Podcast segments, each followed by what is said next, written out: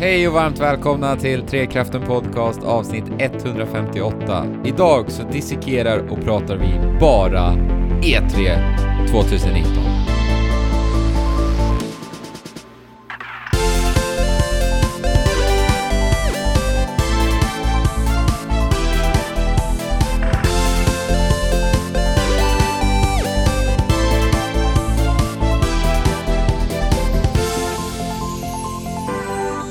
E3 2019 är över. Jag heter Andrew, jag har med mig Jesper och Alex och vi ska diskutera E3. Välkomna! Tack. Tackar, tackar. Jag tog precis en jättestor tugga av min macka när du presenterade oss. Du, du tänkte att det skulle bli en lite lugnare uppstart här, men vi går verkligen rakt på Ja. sak alltså. Jag måste få återhämta lite energi efter den här urladdningen av eh, spelintryck vi har fått de senaste dagarna. Ja men precis, jag är ju så jädra ultrataggad här så det är därför vi är pang på vet du. Mm. Ja, vi ska väl bara diskutera E3 det här avsnittet så tar vi lite spelintryck och väntar med det till nästa avsnitt för vi inser att annars kommer vi sitta här i fem timmar ungefär. Eh, för att jag har ju spelat en hel del spel till idag egentligen och det har väl du också Alex vet jag. Jo, det har, jag har ju lite. Jag missade ju förra avsnittet också så att det, det ligger ju lite kvar där. Ja. Jesper, har du spelat någonting? Jag har ju spelat eh, två stycken rykande färska titlar i eh, PS 2019 och eh, Hearthstone. Oj, oj, oj, oj, Två, oj. två stycken exklusiva titlar som bara jag har haft tillgång till den senaste veckan. Ja. Grymt. Så att det kan jag prata om nästa vecka. Ja, Eller nästa avsnitt ska jag säga. precis. Nästa avsnitt. Ja men roligt. Så att eh, vi går igenom eh, detta avsnittet eh, E3 2019 helt enkelt. Och eh, vi tänkte att vi går igenom de stora företagens eh, olika typer av presentationer. De presenterar ju på lite olika sätt allihopa nu för tiden. Och sen så drar vi bara det vi tyckte kändes vara det som öppnade upp vårat intresse allra mest och sådär. Så det blir lite löst, härligt, eh, härlig diskussion. Mm. E3 sker ju ändå i Los Angeles så det är ju rätt vibb att ha när man går in i det här pratet. Eller hur? Eh, E3 s- startade ju lite, smygstartade med Google Stadia egentligen. De hade ju en, en eh, liten, eh, deras variant på Nintendo Direct, typ. Google Stadia Connect kallade de det här, den här förinspelade presentationen. Fick vi reda på pris och eh, lite släppdatum fick vi inte. Inget datum, men de sa väl fortfarande i höst. Eh, att det Mm. November sa de va? Ja, november till och med. Det kanske var det. Eh, och sen priser också. Ja, de, Ja, olika, de olika varianterna som de kommer släppa av den här Google Stadia. Det Mm. kommer finnas olika typer av varianter, eller olika typer av sätt att använda Stadia på.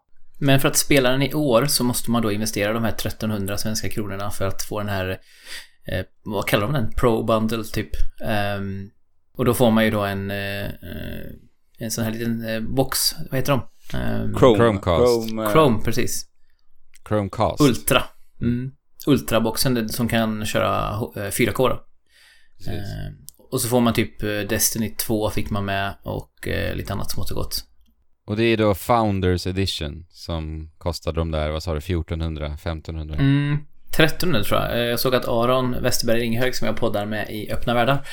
Eh, han hade beställt en eh, minut ett i princip.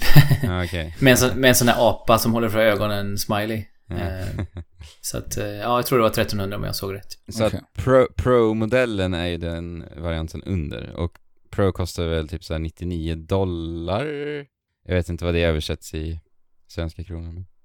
Nej, men eh, jag kände väl mest när man hade fått höra pitchen så kände jag så här, aha, var det inte mer än så här? För man, jag tyckte i alla fall att man fick betydligt större bilder i huvudet när man först hörde om deras, alltså deras Mm. eh, teaser eller vad man ska kalla det, när de berättade om att de tänkte göra en konsol och hur, hur tekniken skulle se ut. Men nu kände jag bara lite så här, "Jaha, det var inte så många spel jag var intresserad av eh, och tjänsten verkar ju vara lite så här ja, inte bättre än moderna konsoler heller. Så Nej. vad, är, vad är egentligen eh, USPen på, på Stadia? Det är väl att du ska kunna, liksom, om, om man lyssnar på vad Google säger, att du ska kunna spela det on the go och på vilken enhet du vill.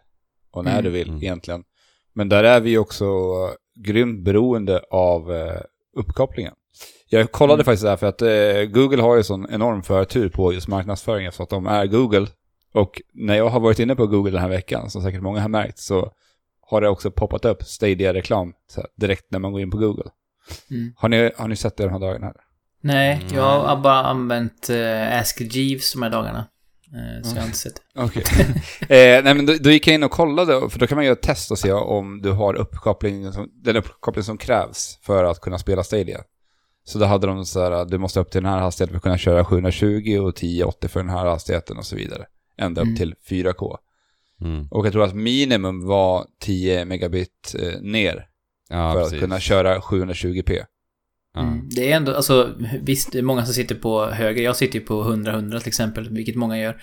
Men det är ju ändå inte givet att man sitter Nej. på 10 ner. Nej, och Så- speciellt inte on the go på mobiltelefoner. Där eh, verkligen så här, Andrew har ju erfart det här väldigt mycket nu när du sitter och kör mobilnät även i hemmet. Hur Ja. ostabilt ditt internet kan vara till och från. Mm. Ja men det, det, det absolut mest märkliga med Stadia det är ju att du fortfarande kommer ju behöva köpa spelen. Så att du köper spel till en streamingtjänst. Och vem vill göra Mm. det? Känner jag. Ja, precis. För man, egentligen om man ska vara riktigt petig så köper man inte ens spelen utan man köper ju bara Ja, rätten att använda spelet så länge det finns på servern typ. precis. Och, och du hyr egentligen en eh, virtuell konsol då. Ja, Som, för att kunna streama spelen. Så måste Ja. du köpa spelen till din virtuella konsol för att kunna spela dem. Så det är lite som att eh, gå ner till eh, videobutiken och eh, hyra sin eh, 8-bits fast i lite mer uppdaterad version bara. Men att du faktiskt måste ha ett medlemskap för att komma in på videobutiken också. ja. Ja, det finns mycket att säga om Google Stadia. Det här skulle vi kunna diskutera mycket, men jag tycker inte att det är det mest intressanta, intressanta Nej. att diskutera idag. Så att Jag håller med. vi går väl vidare. Men det var kul ändå att Google Stadia visade upp Baldur's Gate 3. Det är ändå en så här stor, stor spelserie som många älskar. Och kul ändå att de liksom lyckas Ja. få visa upp den stora titeln på deras eh, presentation. Mm. Ja, verkligen. Det är ett, alltså både Baldur's Gate 1 och 2 är spel jag eh, håller väldigt högt och känner väldigt varmt för. Så att, Mm. se, att se ordet eh, Baldur's Gate 3 och dessutom då eh, att det är utvecklingen till Divinity Original Sin Mhm. som, som också känns som liksom den naturliga arvtagaren till eh, eh, Baldur's Gate-serien. Så det, ja, det känns eh, riktigt bra. Nu fick man ju inte se så himla mycket men eh, bara på vad man vet så blev jag väldigt pepp på, på det. Ja, det känns, det känns lika självklart att Larion nu gör Baldur's Gate som det kändes att DICE skulle göra Battlefront, Star Wars Battlefront. Det är, Ja, det är men det- verkligen så här perfekt verkligen. Hoppas vi bara att det inte blir samma slutresultat. ja, exakt. Men eh, sen så THQ utannonserade ett litet smatterband utav nya titlar. Det var en om dagen där innan, innan E3 drog igång. Mm. Det- Den mest utstickande var väl ett nytt Darksiders, så det ser ut att vara lite utav ett Diablo-eskt spel. Hack and slash, top-down. Jösses vad alla plötsligt ska göra Diablo-kloner nu. Ja. Eh, 2019. Men, men det är någonting jag tycker är kul med eh, Darksiders-serien. För att det är en serie där de håller på att experimentera med så otroligt mycket. Det första spelet var väldigt mycket så här Zelda-eskt. Andra spelet var mycket mer fokus på loot och du skulle loota mycket mera. Tredje spelet var mycket mer åt Dark Souls-hållet. Och det här fjärde spelet, att de går Diablo-style, det tycker jag är kul. Att de håller på och experimenterar och tar serien i så helt nya vändningar.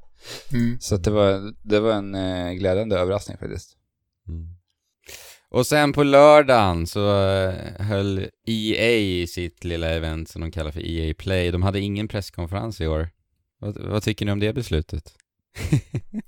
Ja, det, just det, det, jag har inte ens tänkt på det förrän du säger det. Ja, men det känns ju som det ligger i tiden överlag. Eh, Sony är inte där. Eh, flera andra som verkar vara ganska återhållsamma med E3. Ja. Eh, det är ju egentligen bara Microsoft som är på plats av de allra största som bombar på lite mer. Ehm, Ja, Square Så att- Enix hade ju faktiskt presskonferens i år. Och eh, Ubisoft kör ju på också med det.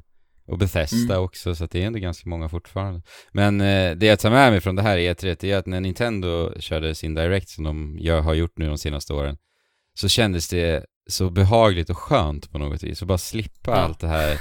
Eh, kommer upp någon nisse eller någon tjej som ska prata om eh, hur ultracoola deras spel är och det ska vara så här superentusiastiskt och så ska de så här leka lite med publiken och det blir bara så här, kan vi bara få se det vi vill? och sen så blir det så mycket reklam på presskonferenserna tycker jag också. Alla trailers vi får se är ju bara förrenderade cinematiska saker som bara ser ut som reklamfilmer egentligen. Ja, men så fort eh, man ser förenderat så känner, i alla fall känner jag att eh, det är ju inte så jättemycket mer värt än att se eh, typ namnet på spelet. Alltså det säger Nej. ju väldigt lite egentligen vad, vad det kommer att handla om. Ja, Kanske sätter en stämning möjligtvis, men... ja alltså det, det har ju varit en debatt lite eh, från årets E3. Det här med CGI-trailers, är det, är det slöseri med pengar? Det är lite, det är lite vart frågan liksom. Eh, Mm. Från Nej utvecklarnas men, eh, och det, och det verkar ju som att många ändå tar efter Nintendo. Sony gör ju det just nu i alla fall och eh, som sagt Google också. Så att Ja. de har väl sett just det där att bara direkt till konsument för minimal kostnad och Mm. fokusera på det som man vill se. Och jag menar, vi kanske kommer in på det senare, men det kändes ju som att Nintendos ehm, Direct var otroligt eh, kvalitativ den här gången. Bara en sån sak som att man bara skippade förbi vad heter det, Dragon Quest 11 som ju i och för sig inte är ett nytt spel men det har varit en typisk sån grej som de hade uppehållit sig vid ganska länge tidigare år om det var tunnare. Mm. Eh, och nu så var det bara som att det var fladdra förbi lite i, i förbifarten. Mm. Eh, Så att, eh, ja, det känns som att eh, det är väl ingen som kommer kanske sörja om det blir mer kärnfullt och mindre fluff, Nej, känner jag. Nej alltså det, det hoppas jag att det blir. Jag känner, Det- att vi måste, jag känner ju att vi måste backa bandet och hoppa tillbaka till EA Play där vi svävade iväg lite grann. Det, det jag vill bara säga är att, att jag tror ju att de här eh, förrenderade trailers tror jag faktiskt är bra för utvecklarna. Alltså jag tror att det är bra att ha det som en sån här visionsvideo. Eh, video. att titta på den här Mm. så vet ni vad spelet är liksom. Men så att, att säga att det är slöseri med pengar, det tror jag inte riktigt. För jag tror att de använder det ganska mycket på, i studion ändå. Liksom att ha det rullandes hela tiden på studion och sådär. Sen vet man ju i och för sig inte i hur sent i utvecklingen de där eh, förrenderade trailers gör. Men oftast så är det ju ganska tidigt å andra sidan när de görs. Så att, ja. Men det är väl, ja, att bara komma ut med en sån trailer känns ju ändå som nästan mer, mer frustrerande än härligt för mig själv som spelare och då ja kanske man hellre väntar ett år längre och sen så säger de att ja men om helt klart. ett år kommer spelet, om ett halvår kommer spelet. Och Ja, så, jag håller verkligen med. Jag, jag tror att det kan vara ganska smart för en utvecklare att göra den här typen av vis, för det sätter ju också lite fantasi i rullning hos fans där ute. Och utve utvecklarna kan vara ute och liksom kolla feedback på vad fans skriver på internet om det här och då kan man faktiskt börja tweaka och förändra saker utan att ha gett den där falska förhoppningen om en gameplay-video som fansen kanske blev smått missnöjda med. Ja men om man, om man tar hakar i det så kände jag ju verkligen så med eh, Star Wars Jedi Fallen Order som jag bara hade hört mycket om att många som jobbar i spelindustrin och som har fått kika på det tidigt har sagt att ah, det ser riktigt bra ut, det ser riktigt coolt ut och så fick man se en trailer, eller en gameplay-trailer på 15 minuter. Jag orkade inte ens kolla på hela, jag fick skrubba igenom den för att jag tyckte det var så här Jaha, Ja, var det bara ännu ett, eh, ett medelmåttigt actionspel? Mm. Eh, Så kände i alla fall jag när jag såg den här trailern. Jag vet inte hur ni kände om ni, om ni såg den. ja men ganska exakt så också faktiskt. Ja, jag tyckte det känns så generiskt och, och jag menar Star Wars för min del är så otroligt, otroligt urvattnat nu också. Så det, är- det är svårt att göra mig exalterad när det står Star Wars på, på produkten. Eh, Ja, men- Och det ser ut som ett Star Wars-spel som vi redan har sett flera gånger förut också, känner jag lite. Ja, det det, ser ju ut lite som Force Unleashed eller någonting annat och det Ja. var inget dåligt spel men, men man tänker ändå att de ska göra någonting större och mer grandiost nu. Och sen att det är Respawn Entertainment satte ju otroliga förväntningar för mig. För att jag ty tycker inte alls att spelet ser sådär eh, tight och responsivt som jag förväntar mig utav Respawn. Sär särskilt inte efter Titanfall 2 och Apex Legends. Så. Jag, jag hade ju hoppats att EA hade backat bandet lite grann och kollade på den där enormt uh, goa responsen de fick i Star Wars 1313. Och det var ett spel som skulle utspela sig från en, eh, en prisjägares perspektiv och det hade varit kul för det är så outforskat, liksom, den delen i Star Wars-universumet. Mm. Och sånt hade ju verkligen fångat mitt intresse för att jag menar den här Jedi-historien den är ganska smått uttjatad nu och vi kan den liksom. Mm. Ja men alltså den här, den här gritty delen av Star Wars är ju väldigt härlig om man till exempel kollar Rays ursprung eh, i nya trilogin eller om man kollar på Solo-filmen och det här ragtag-gänget eh, som som de är. De är ju någon slags eh, heist-gäng. Alla de delarna tycker jag ju är alltid de godaste delarna när det är lite så här, lite som Harry Potter också, att det känns så himla levt och äkta på något sätt, även fast det är eh, fantasy och science fiction. Men jag känner inte som du Andy, jag, jag är ju inte trött på Star Wars, men ändå känner jag att... Och sen tycker jag också att man hörde sen efteråt att de hade visat mycket fler grejer som inte fanns med i trailern och som verkade mer intressanta och Ja. bättre pacade. Och, och det var så sjukt konstigt att, att prioritera på det viset. Ja, jag blir ju sugen, nyfiken när de pratar om att det ska vara ett Metroidvania-upplägg till exempel. Och Mm. det, det la de ju inget fokus alls på egentligen. Och Nej. Det var någon karta man fick se, en här hologramkarta i förbifarten. Men jag tolkar inte det som, som det på, när jag såg det på en gång så. Men, Det känns som de som sagt tappade bollen på just hur de presenterade och så får vi se, det kanske blir mer intressant än vad vi känner just nu. Eh, Men Ja. eh, första intrycket var inte gott. nej, faktiskt inte.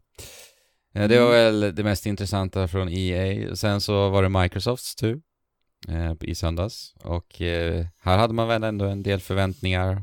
Och man har hört rykten om att de skulle visa nya konsol och allt vad det var. Mm. Eh, och det gjorde de ju. I och för sig. Eh, eller ja, Ja, nej, det gjorde de det? Ja, det, är inte att vi, det är väl inte att visa konsol. Det är, det är ju Microsofts sätt att annonsera konsoler på nu. Det är, det är Ja. andra gången de gör på det här viset.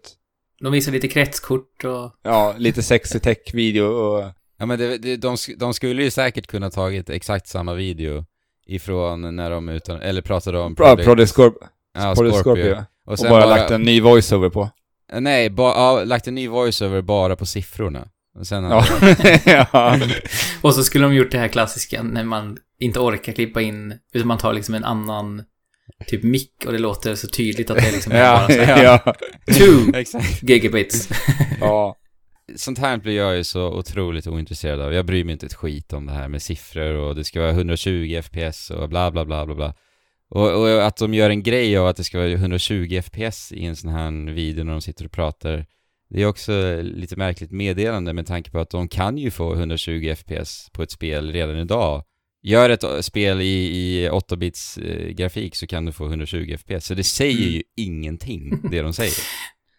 Och också just att de sitter och så här eh, är helt lyriska över hur bra de har lyckats göra Ja. SSD-driven. Va, aha. det är också så här, ja, det är inte, alltså, jag vet inte, det finns säkert många som går igång på det också, men jag känner bara att den generella spelaren som älskar spel sitter inte och tänker så här, åh, Nej. bara jag kunde få en riktigt slick eh, SSD-hårddisk nu så är jag riktigt nöjd. Alltså det kommer ju, det kommer ju förbättra vår spelupplevelse att Absolut. slippa laddningstider. Absolut. Men det är inte det man vill höra när man vill bli såld på en ny Nej. maskin. Nej, alltså där, är- för att bli som såld på en ny konsol så vill man ju faktiskt se någonting av det här. För att det, det känns, alltså jag får den känslan av att Microsoft inte längre vågar gå ut och utannonsera en helt ny konsol efter det debaclet som hände med Xbox One-utannonseringen när de fick så himla många fans emot sig. Med den här visionen om att eh, man skulle Ja, vad var det? Man, man kunde inte byta spelen med varandra och det var kopplat till ett konto och det var, det var en massa... Man skulle kolla på TV halva tiden på maskinen. Ja, precis. Den här mediacentret som det skulle vara. Och det, det fick ju sånt himla motstånd utav alla fans. Det känns som att de har backat några steg och tänkt om och gör de här liksom fantasivideorna och sitter och bara pratar. Men alltså de som Alltså, går konstigt- igång på det här med specs och allt vad det är, är inte det lite PC-spelare också redan? Jo. Alltså det är sj- självklart finns det en målgrupp emellan där, självklart. Men hur stor är den liksom? Nej, men det, det, det känns också som du sa Alex, att de sa ju också på presskonferensen så här, okej, we heard you loud and clear, sa ju Phil Spencer. Ja, Eh, att så ja. okej, vi, vi, vi vet att ni vill att vi ska fokusera på spelen. Och sen gjorde de inte det överhuvudtaget ändå. Just, i just den nya konsolen. Alltså de ju- man måste ändå säga, tycker jag, på presskonferensen att de, de levererade mycket intressanta spel under presskonferensen. Men just i samband med, med en avteckning av ny konsol så var det ingenting fokus på spel, utan bara lödningskretsar man fick se. ja. Och, det, och jag tycker det, det är så bisarrt, jag satt faktiskt och spelade Slay the Spire eh, lite smått så här, samtidigt som presskonferensen. Och det är ett kortspel med extremt, extremt ful eh, grafisk eh, stil och inte alls tekniskt på något vis. Och sen så sitter de och pratar om alla de här siffrorna. Och jag sitter och spelar redan nu ett skitbra litet kortspel. Det blev bara en liten rolig kontrast. Alltså jag bryr mig verkligen inte om det där. Årets kanske fulaste spel. Kan det vara så? Ja, ja alltså Slay the Spire är fantastiskt. Jag, jag kommer prata om det i nästa avsnitt, men shit vad det är fult. Oj, oj, oj. Men det går i 120 FPS. Ja, ja. Kortspel i 120. ja, det, är, Ja. det är faktiskt en hel del frame drops i spelet på Switch. Så en- 1,20 FPS ibland. Ja, precis. Men eh, vi, vi har väl inte så jättemycket mer att säga om själva konsolen i sig. Nej, Den, nej, finns nej. ju inte. Den, Nej. Nej, nej och ska, precis om man ska vända till det som var mer intressant så var det ju som jag sa, det, det var ju blytungt ändå med intressanta spel tyckte jag på Microsofts konferens. Ja, förutom att det bara var förrenderade trailers egentligen. Ja. Men eh, jag, jag snöade in på många indiespel och där var det ju inte riktigt så. Nej, Eh, nej. Men eh, vi fick ett datum på eh, Will of the Wisps, Mm. alltså Ori, Mm. uppföljaren till The Blind Forest, som jag precis har klarat av ju för några veckor sedan här. Fantastiskt. Eh, så att jag kunde ju verkligen eh, känna skillnaden i de här stora bestarna som de visade. Hur, Ja. hur, hur flödande spelet såg ut. Alltså det var ju även Ori, på sin tid var det helt enormt mjukt, men det märktes lite grann nu när jag spelade det att det inte var, eh, ja att det var lite äldre. Eh, och det tyckte jag att man såg att, aha, det här är verkligen Ori för den nya generationen. Eh, där det eh, det hade fått kritik förra gången det visades för att det var så eh, hackigt. Att de inte hade fått någon flyt i, Jaha. i frameraten. Men det man såg nu såg ju verkligen ut som det var eh, otroligt fint flyt i. Jag tycker det är ganska häftigt att se att det känns som att de har gått över till liksom 3D-modeller i eh, Ori and the Will of the Wisp. Till skillnad från eh, före, föregångaren. För att det, det är väldigt mycket mer djup i, i den här världen. Och eh, liksom karaktärer som rör sig från bakgrunden och framåt på ett väldigt snyggt sätt. Och jag tycker det ser Mm. superhäftigt ut. Att liksom Mm. använda 3D på det sättet. Mm, och Ori och eh, det här ugglan, eh, risk för spoiler här nu för Ori and the Blind Forest, den här uh, uggleägget då som, som räddas till slut. Eh, är ju kompisar nu, fick man ju se i trailern. Vilket Mm. eh, ju är väldigt fint att man sammanförde ljuset och mörkret i slutet på eh, Blind Forest. Mm. Släpp, släpps ju senare än väntat dock. Jag hade ju nästan förväntat mig en out now. Mm. Eh, Ja, februari, nästan lite så faktiskt. ja, februari 2020 släpps det. Och det kanske också talar för att de fortfarande kämpar lite med att optimera det. Ja, precis. Ett annat spel som fick datum var ju det här The Outer Worlds. Det spel jag ser fram emot jättemycket. Jag har ju hört så gott om den här studion Obsidian som gjorde Fallout New Vegas som är hyllad som ett av de bästa Fallout-spelen enligt många som gillar Och som Fallout. också varit inblandad i uh, Baldur's Gate-serien. Ja, Ja, det har de va? Mm. är det inte de som Men- gjorde South Park? Jo, de gjorde South Park också. Ja. Eh, och det här är ju lite deras egna take på Fallout egentligen. I en liten sci-fi miljö. Mm. egentligen. Eh, jag, jag kan inte bli jättepeppad av den här uh, trailern. För det är Mm. lite så här, den här typen av spel behöver jag så här, sätta mig ner och ge tid. En trailer säljer inte in mig jättemycket. Jag gillar, jag gillar eh, environmenten och arten jättemycket. Och uh, Mm. den ser jag fram emot jättemycket. Sen klev Keanu Reeves upp på scenen och eh, pratade om Cyberpunk 2077. Passande skådespelare att ha med, måste jag väl ändå säga. Ja, jäkla vilken eh, närvaro han har, har i spelbranschen just nu. Alltså med ett eget spel som kommer i John Wick snart också. Ja, precis. Och nu är han med i Cyberpunk också, så att... Eh, ja. Det, det var lite rolig sekvens när, eh, för jag kollade lite lågt på Giant Bomb-streamen, de pratar ju då under konferensen. Mm. Eh, och så när de pannar upp på Keanu Reeves i, det, i spelet, Ja. eh, så kliver han ju sen ut på scenen då, eh, IRL. Och då säger de så här, oj, nu kommer Kojima bli, eh, bli pissed. Ja, just det. Och då tänkte jag så här, jaha, eh, Mads Mikkelsen med här också, tänkte jag. Jag har så, Ja. jag har så sjukt dålig koll på skådisar, så jag, jag visste inte ens att det var Keanu Reeves när han kom ut på scenen. Jag bara, Ja, okej. Nej men det ser inte ut som Mads Mikkelsen. Jag vet, han har ju ändå, jag har ändå sett honom så här. Han har sett ut, vem är det där då?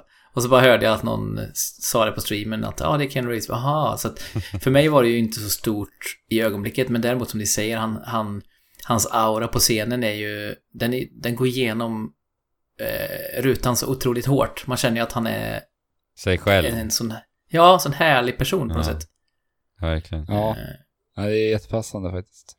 Ja. Och, eh, men jag, det, här, det som jag tycker är jobbigt då med att känna eh, som pepp och glädje inför att eh, Ken Reeves kommer på scen och att eh, Cyberpunk eh, ser ju coolt ut liksom. Även om jag tyckte den trailern de visade var väl, jag vet inte, jag blev inte jättemedryckt av den men det är just att eh, CD Projekt Red har under liksom ganska lång tid flera gånger visat ganska fula eh, fula delar av eh, vad, de, vad de som studio står för. Ja. Eh, dels hade de ju en transfobisk tweet på deras eh, officiella konto liksom. Vilket är, och de, samma sak när de då skulle be om ursäkt så var det en sån här klassisk, ni vet, ja om någon tog illa upp så är vi ledsna typ ungefär. Alltså istället för att säga, ja det var dumt gjort liksom. Mm. Eh, och sen var det även att det har jag snackat mycket om deras eh, eh, arbetsmiljö, hur den är. Alltså att den inte är speciellt bra. De crunchar väldigt hårt. Ja, Witcher 3 Den- var ju fullständigt, ja, usch. Så det det är ju lite som att så här, de har fått så mycket dålig PR på senaste året. Så att nu måste de så här slänga upp någonting riktigt bra så att folk glömmer bort det. Det är lite så här eh, en så här, vad säger man? En fint liksom att ja, det här fula här borta, det ställer vi undan. Och så, att jag blir lite så här, jag tycker det är lite jobbigt också att se hur alla bara eh, faller för det här eventuella tricket. Och jag vet inte, det är svårt, man kan ju, det är det klassiska, man får väl kritisera dem för det men ändå njuta av deras eh, spel. För jag kommer ju vara nyfiken på Cyberpunk Ja, alltså jag är onekligen nyfiken på det, men alltså med allt vad du sa nu Jesper så blir man ju typ mörkrädd utav det här spelet. Alltså produktionsvärdena är ju helt sinnessjuka. ja. Alltså det spelet ser ju så fruktansvärt dyrt ut. ja, i människor liksom, Ja. själar i Ja. princip. ja, det är helt sjukt verkligen.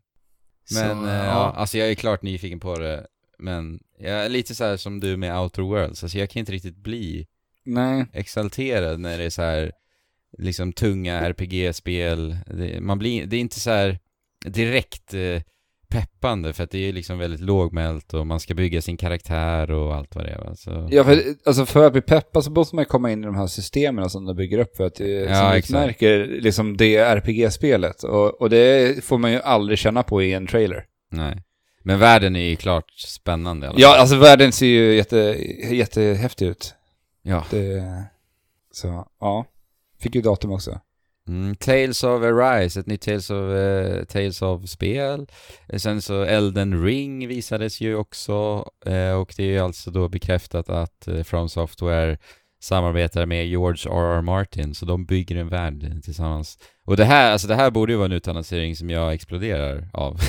jag menar, From Software är en av mina absoluta favoritspelstudios. George R.R. Martins eh, världsbyggande är ju helt otroligt. Men eh, mycket rykten skedde ju innan och man liksom, ja, visste att någonting var på väg. Och så var det en förrenderad trailer som inte sa så mycket, så jag, för mig var det bara, aha, ja, ja men det är skithäftigt, men ja. Jag- tycker lite synd om From Software för att den här, äh, det läckte ju ut dagen innan den här nyheten. Och Ja, liksom fanns på alla spelsajter över hela internet dagen innan. Alltså Mm. annars hade det här, jag tror att det här hade slagit mycket mer om, om den här äh, läckan inte hade kommit ut. jo jag tror det Och alla också. de här ryktena. För att eh, det är ju en jättestor eh, utannonsering. Men jag känner lite likadant eh, med den Mm. här förrenderade trailern. Och någonting jag reagerar på det är att spelet heter Elden Ring och det är ett fantasyspel och det vi får se mycket i den här trailern är att det är någon som står och smider en ring. Ja, Och det känns så... Uh, alltså, kunde man inte ha gjort någonting annat? Tolkien rip-off. det Ja, sättet. eller hur? Men jag tror faktiskt, eh, om, man, om jag ska vara petig, så tror jag faktiskt att den personen hade sönder ringen. Ja, det Eh, hade Ja, det kanske är så. Men, ja. men ändå. Ja. Eh, Det, det, han- det handlar ju hela Sagan om ringen också om att de ska göra, så att... Ja. nej, det, det är lite märkligt. Och sen att eh, vi inte fick se någonting mer än så här, ja, det är lite riddare, det är lite monster. Det känns ju som att det, det skulle ju lika gärna kunna vara ett Dark Souls eh, 4, eh, egentligen. ja. Ja, nej men jag tror mycket på det här spelet. Jag har läst lite intervjuer med Miyazaki och det låter väldigt lovande faktiskt. Mm. Det är det. När du säger Miyazaki så tänker jag bara på att Studio Ghibli skulle göra ett spel tillsammans med, Ja, ja. ja. med George R. R. Martin. Eller Hayao film. Miyazaki, han avskyr ju spel. Ja, just det. Just det. Eh, ja, sen fick vi se Halo Infinite och här blev jag faktiskt besviken, måste jag säga. Mm. Jag var helt 100% säker på att vi skulle få se gameplay från Halo Infinite. Men det Ja. var en, eh, i och för sig in-game, in, in, vad säger de, in-engine trailer. Mm. Men eh, ja, det hände ju inte mycket. Men om, precis, om de, om de ändå har möjligheten att visa in engine, varför visar de inte åtminstone 30 sekunders eh, liksom, Ja. gameplay då? Så? Men det var ju den här trailern de använde för att teasa lite Scarlet också. Mm. Ja, För att det kom ju i samband med utannonseringen av konsolen. precis. Så Ja, och precis, eh, spelet släpps eh, som ett release, en release-titel till Xbox för första gången sedan Halo 1 faktiskt. Mm. mm. Eh, Det så det kan, stort ja, det kan bli stort faktiskt. Jag, alltså jag är nyfiken, väldigt nyfiken på Halo Infinite. Ja, Jag hade ju verkligen hoppats på att få sitta och köra Warthogs i vinter. Alltså jag, jag och Andrew satt och pratade om det dagen innan. Åh gud, vi började planera så här. Vi måste samla ihop våra gamla Halo-kompisar och dra ut och köra co-op igen. Men vi får vänta. Ja. Men den här trailern satte ju lite tonen i alla fall. Men vi får ju se att eh, designen på Master Chief har de gått tillbaka lite till rötterna. Och eh, hans, hur han liksom uttrycker sig i sitt, eh, sitt eh, sätt att prata kändes väldigt så här gamla skolans Halo. Jag väntade på att Master Chief skulle ta av sig hjälmen. I den Ja, okej. Det kändes som att jag, jag, jag satt och väntade bara, jag hoppas det händer nu. Jag vill bara veta hur Master Chief ser ut där under. Men det spännande med Halo är att vi vet väldigt lite om det. Alltså är det någon form av reboot? Är det fortsättning på femman liksom? Men tror ni inte att det är ett eh, Games, as a, Games as a Service-spel? Alltså namnet antyder ju att det verkligen kan vara det. Mm. Men ja. Shit vad tråkigt det skulle vara. Eller så är det så att, som Duke Nukem Forever, som också talade för att spelet utvecklades i en evighet. Det kanske blir samma sak med Infinite. Det blir en oändlig utvecklingscykel på Ja, spelet. just det. det är sista Halo-spelet. Mm. ja. Ja, eh, Battletoads fick vi se lite snabbt också. Ja. Tyckte ni det var värt att ta upp eller? nej, nej, alltså nu... nu jag tyckte det såg skitdåligt ut. jag, jag märker att nu blev det inte det upplägget jag tänkte mig. Jag är så, jag är så, nu tittar jag bara på anteckningarna framför mig här, så då blir det bara att jag går igenom det. Vi skulle ju bara ta det som, som Men, men Jesper, du intressant. nämnde ju att det var flera indiespel som swishade förbi. Var det någonting Ja. som du eh, som tyckte såg, poppade lite grann och så lite eh, extra? Absolut. Tre grejer egentligen. Eh, Way to the Woods, alltså två ren, eller två um, Ja, rådjur som De försöker ta sig Ja, tillbaka till... det var fint. Eh, ja, det kändes lite så här... Eh, Lite som Shelter. typ. Journey. Mm, men eh, precis. Något, någon variant av, av ett spel där inte våld är i centrum utan snarare pussellösning. Och det, ja, det såg ju väldigt fint ut, mysigt. Och sen så hade vi Spiritfarer som handlar om att eh, ja, frakta döda i princip eh, över eh, till dödsriket tror jag. Ja, för det, det spelet var det som jag nog tar med mig mest ifrån de här indiespelarna. Man skulle bygga Mm. sin båt också, så det var ju liksom 2D, lite Terraria-liknande. Man ska bygga Ja, och crafta de- grejer och färdas runt på haven. Och, De pitchar den som eh, en mysig management sim om döden. ja, Ja, ja. Det låter ju eh, egensinnigt och bra. Det var väldigt fina och det- animationer faktiskt. Spelet. Ja, hela inramningen var ju superfin tyckte jag. Mm. eh, varm, trots ämnet. Och sen eh, så tyckte jag även att RPG Time, eh, såg ni det? Mm. Det var det här som såg ut lite som en korsning av Dragon Quest och eh, Yoshi's Crafted World eller någonting. Alltså, det var ju handritat i blyerts. ja det där Med ja. massa, massa olika eh, kameravinklar och massa olika saker som poppade upp som en sån här bok ni vet när man öppnar Ja, så, just så det. kommer det ut ett slott liksom i, i 3D så att säga, i kartong liksom. Det var det, det spelet. Och, och man såg även en sekvens där man fick så här dra en slottmaskin för att se vilka krafter man fick använda sig av. Och det, var, det, såg, det såg extremt eh, sprudlande ut och ko- eh, kreativt. Så eh, jag vet, man vet egentligen ingenting om det här spelet för det var väldigt, det fladdrade förbi på en och en halv minut och bara såg Mm. eh, som sagt egensinnigt ut men på bästa sätt. Så att eh, det, RPG Time, det, det låter ju också lite som så här eh, att det kommer vara, inte ta sig själv på allvar utan att det kommer spela med den fjärde väggen en hel del också. Mm. Ett, ett annat spel som jag tyckte så intressant ut är ju det här 12 minutes. Mm. Som, eh, Som man bara ser i eh, så här, fågelperspektivet. Ja, precis. Och det verkar vara lite, det är, det är det här måndag hela veckan eh, grejen. Så att du återupplever dagarna om och om igen. Och sen ska det vara liksom en, en visual novel på något sätt. Så att det kommer bara vara fokus på narrativet och Ja, alltså, olika val. Alltså man, man förstod inte riktigt hur spel ska spelas, men jag, jag ville se mer av den här typen av spel. Vi har ju pratat om det förut i podden, att eh, det har gjort så lite av det. Och vi har ju pratat om Majoras Mask där ibland. Ja, Bethesda visar ju ett sånt spel också ju. Vi kommer till det snart, kanske, Mm. om vi tyckte Så det var bra eh, nog. Så det ser spännande ut i alla fall. Ja, Ehm, Double Fine blev ju uppköpt av Xbox Game Studios också. Det var en liten överraskning, tycker jag ändå. till, tillbaka igen. Ja, du ville Eh, fortsätta där? Ja, förlåt. Nej, nej, alltså tillbaka. De är tillbaka. Jaha, ja, ja. Eh, Ja, de, precis. de, eh, de fick ju inte släppa eh, Psychonauts 1 var det va? Från början. Just det, Och så, så- var det ja. Och så blev de upplockade och eh, släppte det på annat håll. Och nu när, när det blev kaos med Psychonauts 2 för att, eh, vad heter de? Eh, Starbreeze. Starbreeze är i spillror så Mm. plockade de upp dem igen. Ja, vad kul Ja. att det är just Psychonauts 2 de släpper nu också. Ja, Ja. precis. Eh, Det har gått några spel emellan för Double Fine. Och, eh, ja. vad heter han? Tim of Legend, vad heter han på riktigt? Tim, eh, Tim Schafer. Eh, bara ett Twitternamn. Eh, han var ju sedvanligt charmig. Mm. och han sa att vi kan göra Excel-dokument om ni vill för de pengarna typ Ja, som ni ger oss. just det. Det var ganska härligt. Det är skönt med eh, när man får den här lite mänskliga sidan. Det var ju säkert manus det också, men det kändes ju ganska genuint. Ja.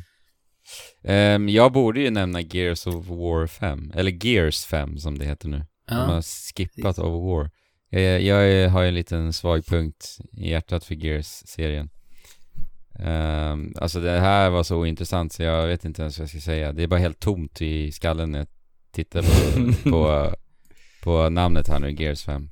Det sa mig, nej, jag, vi går vidare. Men ser du, ser du mest fram emot Gears 5 eller Gears Pop? Nej, nej, då är det Gears 5. Jag hatar popfigurer. Jag tycker de är groteska alltså. ja. Men eh, eh, på tal om Gears eh, och eh, Sluffs, eh, Bleed, Bleeding Edge eh, var ju eh, någonting eh, nytt och fräscht och överraskande ändå. Ja, var det Ja, verkligen fräscht? Ja, fräscht vet jag inte, men ni, eh, ni, jag är ju alltid intresserad när det kommer e-sport-osande titlar. och Ninja Theory, eh, som är vana att göra liksom närstrider Mm. i spel, Mm. eh, ändå gör då ett 4 versus 4 närstridsfokuserat, eh, jag vet inte, Overwatch-igt spel. Det kändes ju som det var deras take på Overwatch lite grann. Ja. Mm. Alltså Eh, jag är och här- absolut, absolut öppen för att eh, prova på det. Men ja, det, jag vet inte. Det, det är så svårt att göra just närstrider genuint kul i, i liksom flerspelarspel. Men alltså, det är väl kanske det som har varit deras utmaning och de vill bevisa att det funkar. Men karaktärsdesignen såg ju rätt... Det, det, det var ju lite så här som att eh, man hittade en t-shirt i, eh, i Grekland men någon försökte göra Overwatch fast gjort bootleg-variant typ. Att man såg så här Saria blev den här Buttercup och det var liksom, alltså, det kändes lite som så här att det var B-versionen av eh, Overwatch-karaktären.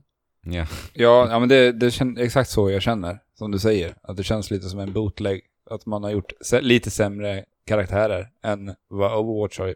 Ja, men ja, det, det, köper jag. Men allt som är lite Moba-aktigt och eh, en ny take på en eh, kompetitivt spelande, det gör mig ändå alltid intresserad och nyfiken. Ja, men det är, en, det är också viktigt för att pusha multiplayer framåt också. Utan de här spelen som kommer emellan så får vi aldrig de där stora stegen heller till eh, de här nya revolutionerande spelgenrerna heller inom multiplayer.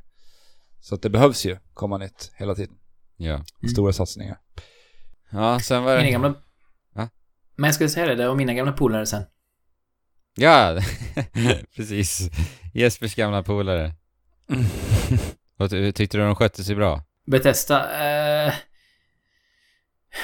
Ja, alltså det var väl lite högt och lågt kan man säga. Eh, det var Blades till Nintendo Switch. Eh, jag känner ju flera som jobbar på Blades och gillar spelet, men eh, det fick ju väldigt avmätt bemötande. Mm. Eh, det var väl i och för sig kanske senare sen på, på Nintendos konferens. Jag, kommer inte ihåg om de, Bethesda visade det under sin konferens. Men Blades gick väl ur beta nu också? ja, jag har inte spelat det sen, sen jag fick mitt Excellent Sword of Fire eller vad det heter.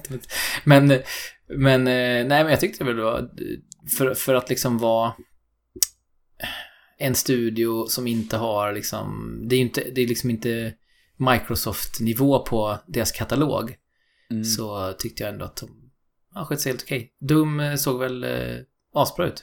Ja, Ja. nej, för mig är Doom Eternal nog eh, kanske mässans bästa.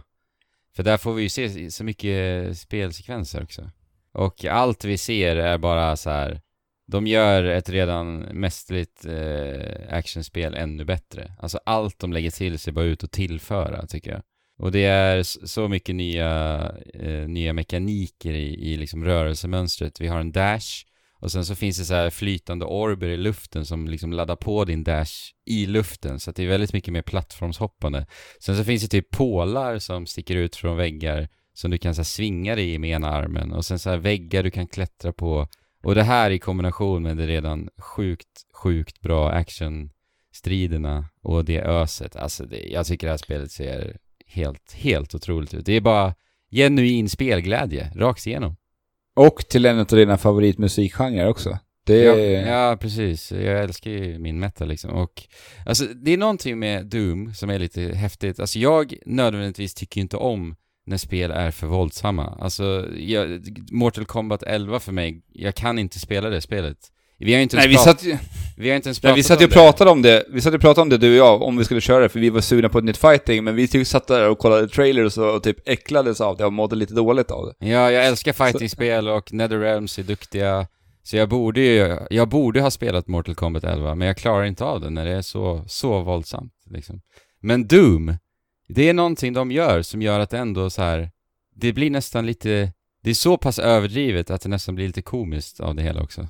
Ja, och sen att det är de här äh, helt sjuka, vridna demonerna som Ja. strider emot också, gör att det känns ändå något lättare. Precis, och det är mycket färger ändå i, i världen och sådär. Och det kanske blir lite lättare att döda till vråltung metalmusik också. Det kanske också lindrar det här. Ja. Ja, det sätter ju Ja, verkligen en, en i något eh, form av trans när man spelar Doom. Det gör det verkligen. Alltså jag, jag, när jag spelade Doom 2016 så fick jag spela det i små korta sessioner för jag var ju helt uttömd alltså, mentalt efter en level liksom. Ja. Nej, men jag, jag tycker så, jag ser så mycket fram emot det här spelet. Det kommer ju 22 november nu i år. Mm. Och jag, jag blir bara så glad av att se ett spel som bara låter sig självt vara ett spel som, så mycket som Doom gör. Vi ser liksom flytande armors i, i världen och orber som flyger. Det, det, det finns liksom ingen realism att tala om här överhuvudtaget. Det ska bara vara svinkul att spela spelet. Punkt slut. Och det, det gör mig glad. Det känns väldigt mycket som ett Nintendo-spel i mångt och mycket Jag faktiskt. tänkte precis säga det. Ja. Det var det jag satt och tänkte på också. Ja. Att man behöver inte rättfärdiga allt i någon slags lore eller realism, utan det är bara så här, ja, det finns här för att det är roligt. ja, exakt. Och vad tyckte du Jesper? Nej, jag har inte sett eh, nästan någonting av Doom. Jag är, Nej, jag är ju som dig, fast eh, några eh, snäpp till, så att jag, Ja. jag vet att jag kommer inte spela det. Eh, jag är, är egentligen inte intresserad. Alltså, hade man bytt ut allt blod och allt gore mot liksom så här... Eh, jag vet inte, någon clean setting på något sätt så hade jag nog säkert tyckt att Mm. spel, gameplay-loopen hade varit extremt rolig. Mm. För den låter ju verkligen eh, tillfredsställande. Men det är för mycket... Det är för mycket slafs för att jag ens ska kunna liksom ja. närma mig. Det är ingen, det är ingen idé Alltså, att jag jag, gör jag, det. jag tycker att utvecklare borde, alltså som gör den här typen av ultravåldsspel idag, borde överväga att faktiskt lägga in en sån funktion i options, att så här, spela non-gore mode. För hade det funnits i, det, i Mortal Kombat 11 till exempel, då hade jag lätt velat spela det och stängt av bara blodet och slafset. Mm. Mm. Om det fortfarande kan ha kvar känslan liksom. Att, inte, Mm. Men att, alltså- det, att vi inte behöver rucka på själva gameplay eh, eller feedback-loopen. Så skulle det vara alldeles men- perfekt alltså. Som Sekiro för mig. Jag tog ju bort uh, Gore då. Ja, det gick att göra det där. Och, ja, och då ser det nästan komiskt ut när man st- sticker någon med svärd i halsen och de så här nästan Goldeneye-aktigt börjar så här famla till marken utan att det kommer något blod liksom. Men så att då lättar det ju verkligen den, Ja. Den delen så, som gör att jag kan spela spel. Alltså jag, jag, ja, avund, precis. jag avundas inte de som sitter och jobbar på de här avrättningarna i Mortal Kombat och nu i Doom. Alltså det, jag läste ju en artikel på Kotaku att eh, det finns ju många som har rent av fått eh, posttraumatiskt stresssyndrom av att jobbat med de här spelen. De, de blir liksom matade med den här grafiken, alltså åtta timmar om dagen, säkert mer när det Ja men tänk dig, dera, tänk dig komma in på kontoret varje dag och se den där moodboarden. Exakt, Av liksom- exakt. Slafs. Moodboarden. Ja, moodboarden. Ja. Men, Men, ja. eh, Men- det, Det var ju så här, i den artikeln så läste jag att man kunde komma till daget, eh, till daget, till, nu oj oj oj, till jobbet. Man kunde komma, man kunde komma till jobbet en dag och sen så tittar man på sin kollegas dataskärm och då sitter personen och eh, googlar på liksom så här ja, mordscener, vad säger man, crime scenes. Eh, Alltså Mm. tittar upp seriemördares liksom, hur de har eh, ja, skött sig när de har dödat sina offer och allt vad det. Och det känns ju bara helt galet att komma Ja. till den miljön. Liksom. Ja, men och det är återigen, jag har ju sagt det här förut, men det är det är lustigt att jag jobbade just för Bethesda med tanke på att nästan alla deras spel har en ganska gory komponent i sig. Mm. Ehm, och det har ju även Tangos spel, alltså eh, Evil Within 2, som jag jobbade med och nu då ut, utannonserade de ju Ghostwire Tokyo som i och för sig förtydligar de inte riktigt är survival horror på samma sätt utan mer ett action-äventyr med liksom thriller. Ja, men, precis, Men, med thriller. Ja. men ändå, och, och här tänker jag att här är liksom en av E3s höjdpunkter. För Shinji Mikami kom ju ut först då, som är studions grundare och liksom eh, en legendar vad gäller skräckspel och, och i spelbranschen överlag. Mm. Ehm, men han pratade inte så länge utan han, utan, han eh, påannonserade istället sin kollega. Ah, Eh, Ikumi Nakamura som Ja. är då, eh, vad var hon, producer, alltså chef, chefs Nej, eh, direct. utvecklare. jag tror hon var crea- Director. creative director, Ja. tror jag. Ja, det stämmer nog. Ja. Eh, för Ghostwire Tokyo och hon, hon var ju bara på scenen kanske i, jag vet inte, en och en halv minut, två minuter, någonting sånt. Ja. Eh, Och- Men det här var ju liksom eh, Unravel 1. Igen, Ja, Martin, vad heter han? Precis. Eh, Martin Salin. Ja, Salin. Ja. Eh, fast i, med adderad japansk, eh, liksom, chibi kawaii-charm. Fast att hon, alltså hon utvecklar ju som sagt ett spel som är eh, ganska groteskt också. Mm. Eh, men hon, hon kom ju ut, pratade på knagglig men väldigt eh, välvillig engelska. Hon ansträngde sig verkligen för att prata bra engelska. Mm. Eh, fast hon var inte så duktig på det. Och hon sa också att hon var så jättenervös. Att det var så mycket folk och oj, ja, det fjärdade hela magen liksom. Och hon... eh, Det kändes ju 100% eh, genuint. Ja. Eh, och lite Marie Kondo-vibbar också fick jag. Bara hennes avslutningsfras där när hon eh, gjorde någon form av, ja, jag- jag är inte jättehaj på den japanska kulturen på det sättet, men hon sa ju något, ja, troligtvis någonting man säger i Japan. och eh, det var bara så här, så himla charmigt och gulligt verkligen. Ja, och kontrasten till spelet gjorde ju att det blev ännu roligare på något sätt. Ja. Eh, Typ The Leftovers, the game. Det var det första jag tänkte på. Mm. Ja. Det var det jag tänkte också. Det är Ja. folk som bara försvinner. ja. Du sa ju det Alex, Mm. skill- skillnaden här var väl att kläderna var kvar. Ja, precis. Eh, ja, Bethesda försöker ju rädda upp Fallout 76 också. NPCer! lägga in NPCer och Mänskliga göra, NPCer. och göra ett Battle Royale-läge. Mm. Ja. Kommer ni hoppa in igen eller? T- Till, vad heter det, låten eh, Ring of Fire av Johnny Cash. Där då Ja, det, Ring of Fire tänk- är den, eh, ned, den krympande ringen. Där tänkte jag ju då att eh, Elden Ring, Elden Ring, alltså skulle ha eh, Ring of Fire istället. Hade ju passat. det borde nästan testa och se hur den trailern känns till Ring of Fire. ja, nej men eh, alltså det, om de lägger in en funktion, en emote, där man kan eh, hålla i en laptop och samtidigt moonwalka, då kommer jag komma tillbaka till eh, Fallout 76. Men eh, Mm. i övrigt, nej. Nej. Eh, Ja. Det var ju Alex eh, special eh, move han hade när vi spelade eh, Fallout 76 en kväll tillsammans. Att Han Mm. gick i någon slags moonwalk med sin laptop. Ja, just det. Så, såg läckert ut. Vi döpte ju Ja. till och med ett avsnitt i det, hörni. ja. Ja. Det är mitt starkaste intryck av Fallout 76 och kommer så förbli för det var vackert. Ja. Mm. Eh, vi pratade ju om det här måndag hela veckan-konceptet, inte har gjorts mycket i spel. Och eh, det spelet jag sa, nämnde då tidigare, som också gör det, är ett spel som kallas för Death, Loop. Och det är Arcane Studios nya spel. Ja, Mm. och det borde ju ändå gott. Ja, jag har faktiskt inte kikat upp exakt eh, hur de kommer föra in det i det här spelet. Men det verkar vara att man spelar, alltså det verkar vara ett multiplayer-spel där man spelar en emot en. Och sen så sker det här, det här loopandet på något vis. Nej, jag, jag, jag har för lite koll på det, om jag ska vara helt ärlig. Men de sa, de sa i alla fall att eh, det kommer innehålla många av de element som Arcanes spel brukar göra med det här världsbyggandet och eh, Immersive karaktärs- sim. Ja, precis. Så det är lite som det här... eh, bygger på lite de gamla Thief-spelen i princip. Att man, det är mycket st- stealth och det är mycket här sagt atmosfär som det är fokus på. Så att, Ja, det det, sådana. bli intressant att se hur de gifter det med, ja precis, hur de gifter det med, Ja, ja, med multiplayer-komponenter. ja, men klart intressant. Men som sagt, förrenderat och jag blev ointresserad. Därför lyssnade jag inte särskilt mycket och därav inte har jättekoll på alla detaljer. Sen så visade ju Bethesda upp eh, att de också håller på med en sån streamingtjänst såklart. Och eh, ja, likt Google Stadia då. Och visade då, tog in dem på scenen som eh, rullade Doom 2016 på en mobiltelefon och skulle då wowa publiken. Så att de ger sig in i det här också. Ja. Och Project Xcloud, Microsoft pratar ju mer om det också. Så det Ja. många prenumerationstjänster hörni. Mm. Ja, alltså det är ju lite av eh, det här eh, temat på årets E3, kan man ändå säga. Prenumerationerna, Ja. eller prenumerationstjänsterna. Och Devolver Digital eh, höll ju i en Devolver Direct som de kallade det. Det var väl deras, Mm. ja, kopia utav en Nintendo Direct med en liten Devolver-twist. Och på tal om kopia, så utannonserar de ju spelet Devolver Bootleg. På tal om bootleg. Som då är kopior av Devolver släppta spel.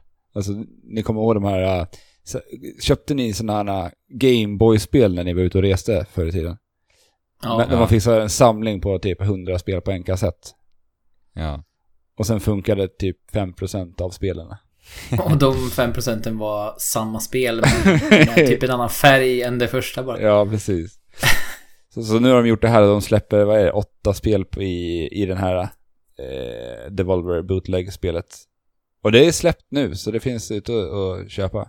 Kostar 40 kronor tror jag på Steam. Och det är spel som Enter the Gun Dungeon, Ja. Hotline Milwaukee, eh, Pikuniku Ballstars, Just det. Shoo- Shooty Boots. Kan ni gissa vad det är för spel? Shooty Boots. Shoot, det- Nej. jag Downwell. inte... Ja. Ja, just det.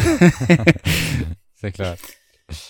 Ja, Det är, Jag så, det, var- det är så Devolver, verkligen. ja jag tycker om Devolver. De är sådär härligt punkiga, do it yourself i deras så här, marknadsföring och deras eh, sätt att annonsera, utannonsera grejer.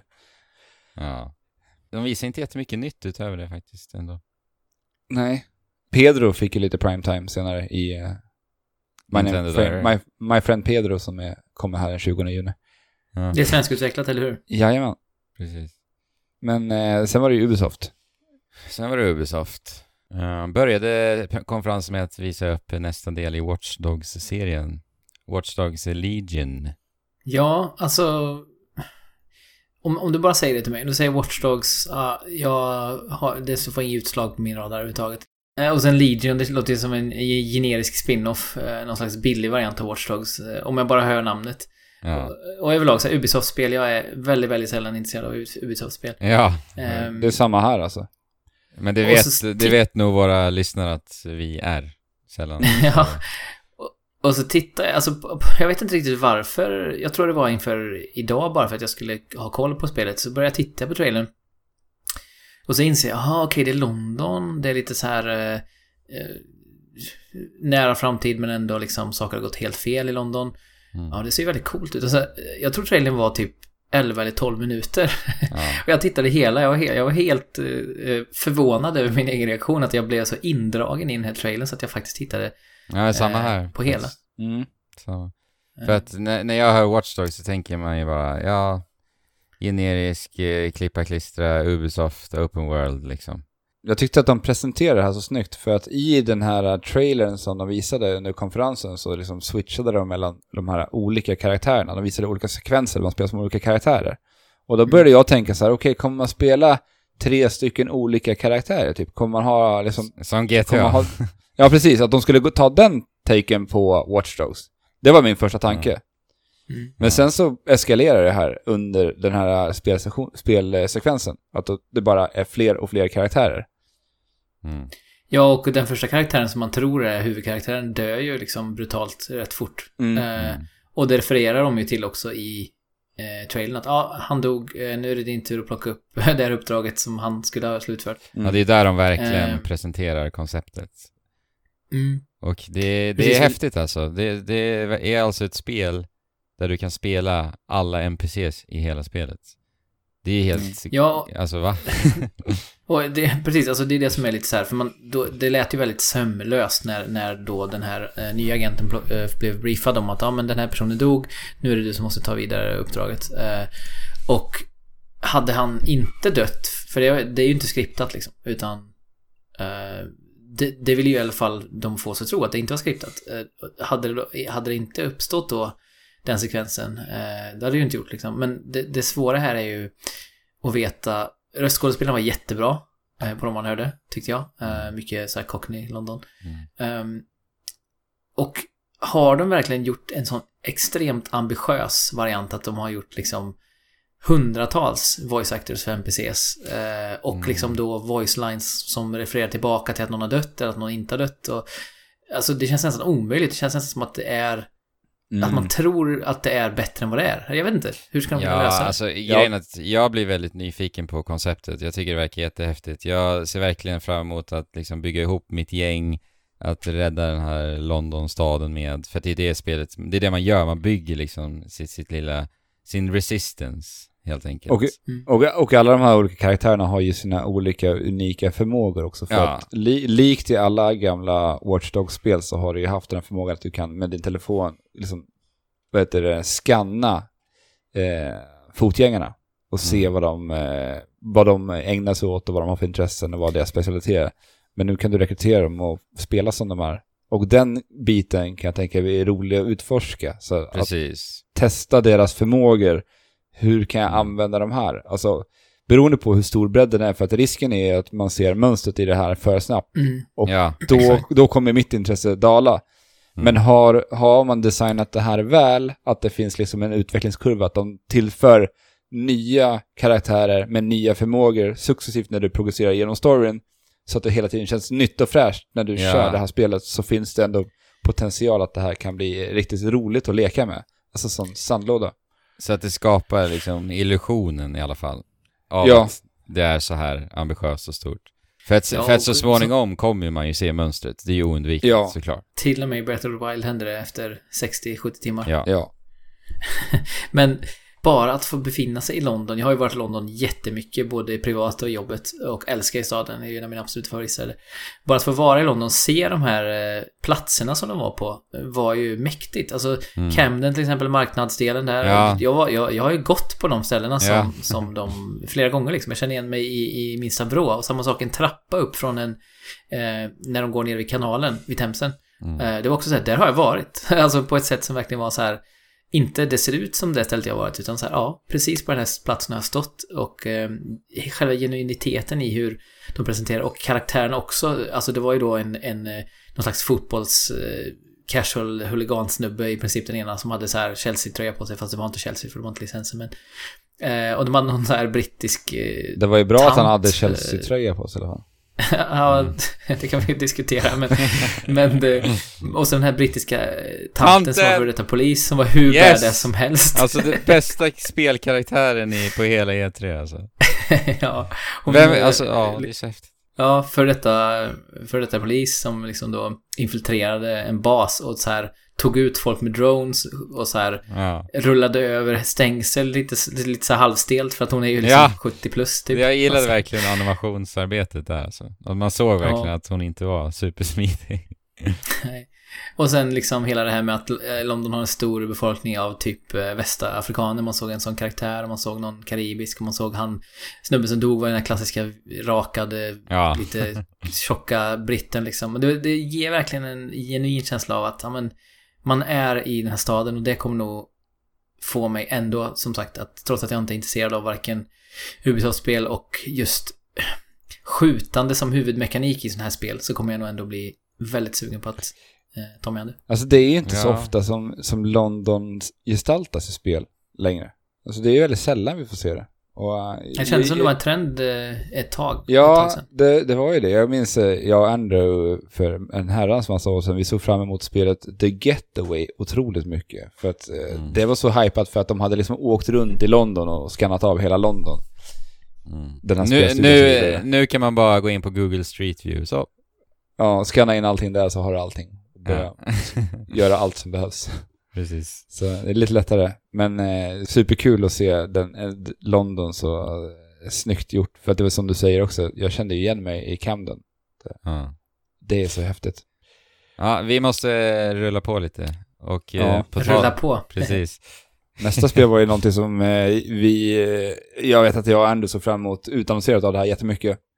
Ja. Vi drömmer ju mycket om eh, fantasisportspel. Mm. Att det ska komma tillbaka, mer av det. Och Ubisoft visar upp Roller Champions. Jajebox. Som de också släpper en eh, tillgång till, till alla där ute. Direkt efter eh, konferensen. PC-spel Som har i alla fall. Ja, eh, som har varit igång 10 till, vad är det nu, 14 juni. Som de Ja, har kört den. precis. Eh, vi skulle ju jobba i skolan igår, men det slutade med att vi drog ner det här demot och tänkte att vi ska bara testa lite grann. Mm. Men jag tror vi satt i fyra, fem timmar och nötte det här spelet med två klasskamrater.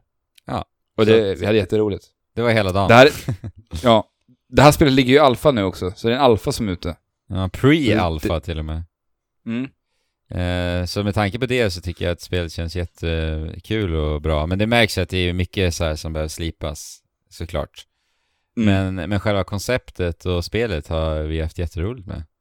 Ja, Man, man, man gör mål genom att åka ett varv runt planen. Är det så? det, det funkar så att du måste köra runt, eh, du har en startlinje på ena sidan där målet är. Så måste du ta dig runt ett helt varv för att aktivera målet. Men tappar du bollen och motståndaren plockar upp den så blir det sättas det. Så då måste du åka tillbaka till den här startlinjen och starta om varvet och köra runt. Mm. Men, Mm. men är det Och så det att finns bara en boll. Ja, det finns bara en boll. Men lyckas du köra runt två varv utan att bli nedtacklad så kommer du att få två poäng extra. Det vill säga att du gör tre på det målet.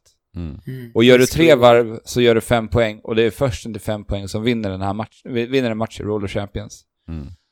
Och eh, jag tycker att det, det, den här delen är superbra. Alltså när vi har spelat det här och man har liksom försökt skjuta mål, men man har missat, men har vi ändå lyckats plocka upp bollen efter, då är det så här, okej, men vi kör ett varv till, vi kör ett varv, vi tar, vi tar det här nu. Mm. Och eh, det, det har tillfört väldigt mycket till upplevelsen. Ja, och, och, la, och lagandan. Ja, Man liksom peppar varandra och sen så här, lite, lite skannar man av så här läget eh, under matchen och så tänker man, eller så frågar man varandra, ska vi gå för ett till varv? Kom igen! Ja, vi gör det!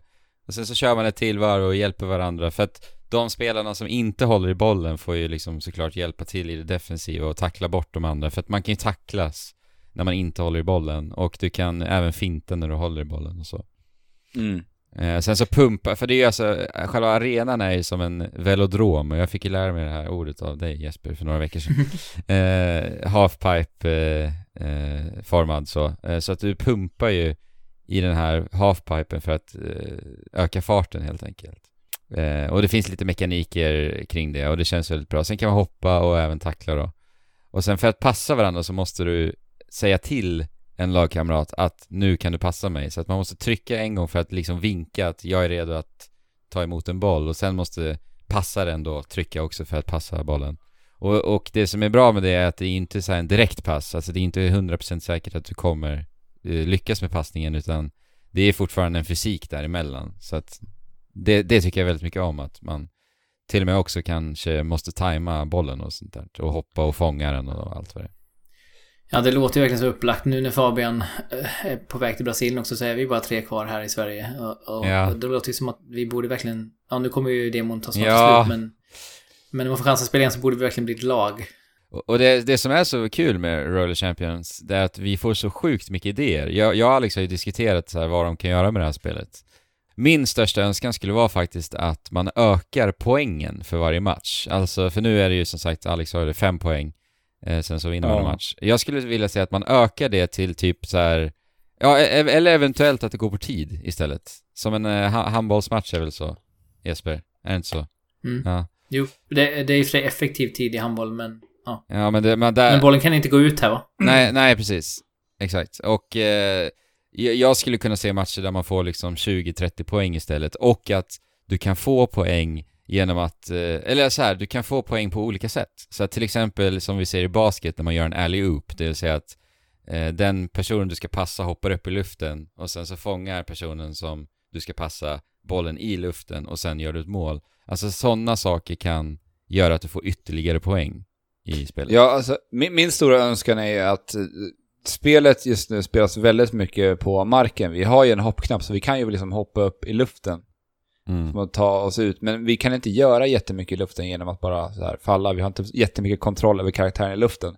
Där Mm. vill jag att vi ska ha mer kontroll i luften och kunna göra lite coolare grejer med. Ja, För att tricka Någonting, och... nånt, någonting som jag känner bristen i Roller Champions just nu, till skillnad från om man tittar på eh, ett annat fantasisportspel som är ett helt fantastiskt sådant, Rocket, Rocket League. Det var ju så att när man spelade Rocket League i början så var det så här, man började göra ganska, man tyckte att man gjorde ganska coola mål tidigt. Ja. Och det var också det som var en stor, eh, en, en stor tillfredsställelse. Med att se de här eh, Snygga coola mål. målen som görs liksom. Mm. Och det var ju mycket därför man kom tillbaka också. Man ville ju alltid liksom pressa sig själv. Här fanns en liknande effekt här. Som i Rocket League så sprängs ju allting när man gör mål, att man flyger iväg. Fanns det någon liknande känsla här? En, en så här fysisk känsla när man gjorde mål? Nej, alltså det, Ja. det gnistrar till lite grann i målet. Men det, det jag menar är att jag skulle vilja se att man skulle kunna liksom använda luftrummet på något sätt för att kunna göra snygga mål därifrån. Alltså, och att man kan Mm. liksom passa till en spelare som hoppar, som Anders säger, alltså göra liksom alley-oop-grejen.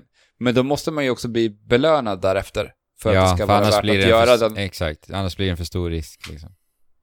Men det känns som att eh, det här spelet också passar sig väldigt bra för att få skräddarsy sina karaktärer. Alltså det är ju en stor del av, nu är ju inte det här roller derby, men det är ändå åt det hållet liksom, en fantasiversion av roller derby. Ja, Ja. absolut. Eh, och där är ju liksom karaktärsskapandet, eh, så att säga, den karaktären man är när man spelar roller derby, hur man ser ut, är ju viktigt. Så det, Mm. det känns som att det kan bli det här Ja. också. Eh, och en annan stort plus de ska ha i det här spelet, är att det är så otroligt lätt att hoppa in i den här matchen och fånga den där lagandan så pass tidigt som det ändå gjorde för oss. Mm. Alltså, Ja men det är så Vi prat- simpelt. vi satt och jämförde det här väldigt mycket med Rocket League. Att Rocket League hade ändå en ganska lång inlärningskurva innan liksom man började förstå spelet och innan man började känna sig som det där laget. Mm. Men tre matcher så var det så här, okej, men nu har vi ett spel.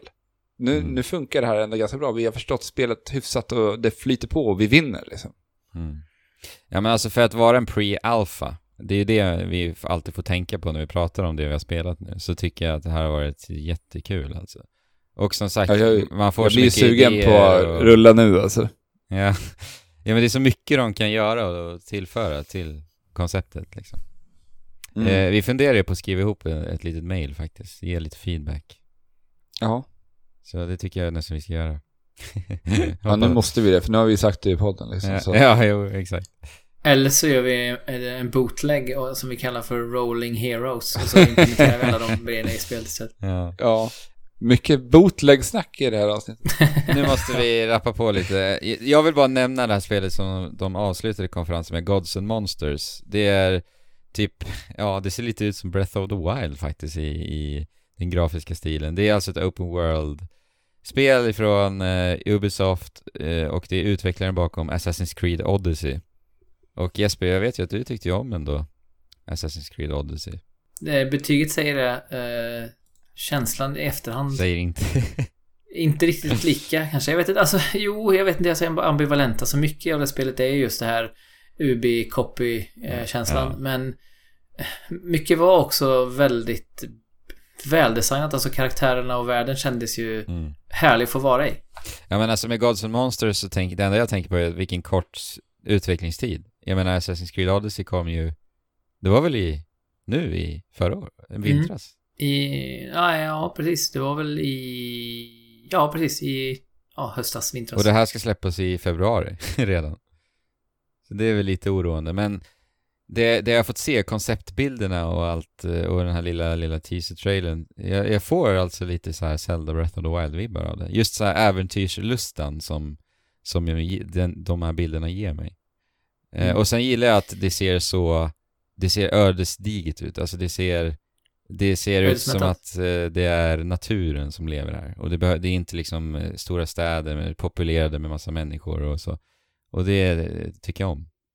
Jag gillar det. Ja, det var, det, det var uppfriskande att se den här trailern i slutet på Ubisoft presskonferens. Jag satt ju och väntade på att få se någonting av Rayman, men då fick man ändå se det här i slutet. Och Lite färg. Glädjande. Ja, Ja, alltså på tal om färg, det var ju väldigt synd att vi inte fick höra ett enda knyst vad jag har hört i alla fall om eh, Beyond Good and Evil 2. Det är ju ingen bra, ja. inget bra tecken. Nej. Nej, jag, jag, jag är orolig över det där spelet. Alltså. Ja. Mm. Känns som att, eh, att eh, han har fått lite storhetsvansinne, Michel Ancel, i, Mm. I det här fallet. Det känns lite så faktiskt. Men vår Nintendo-lista är jättelång, så ska vi göra ett sista stopp eh, Ja, på hos Square innan vi hoppar in måste, på Nintendo. måste du prata om Final Fantasy? Vi vet ju att... Alltså, alltså det här är ju det näst bästa på E3 Okej, för mig. okej, ja. Eh, då- Kör då.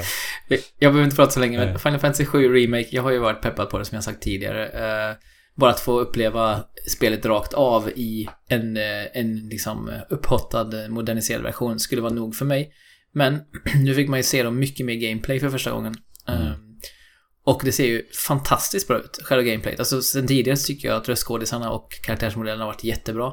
Och nu fick man se gameplayt som var så här, ja men först såg det ut som det var väldigt eh, basic och ytligt. Håll in en knapp och byt knapp en gång var tionde sekund. Men så avslöjar de att nej, man kan faktiskt gå in i tactical mode. Eh, där världen går i ultrarapid, jättelångsamt. Mm. Eh, lite som i typ superhot, när man inte eh, siktar. Mm. Eh, och där kan man ju då faktiskt använda sig av active, active time battle också.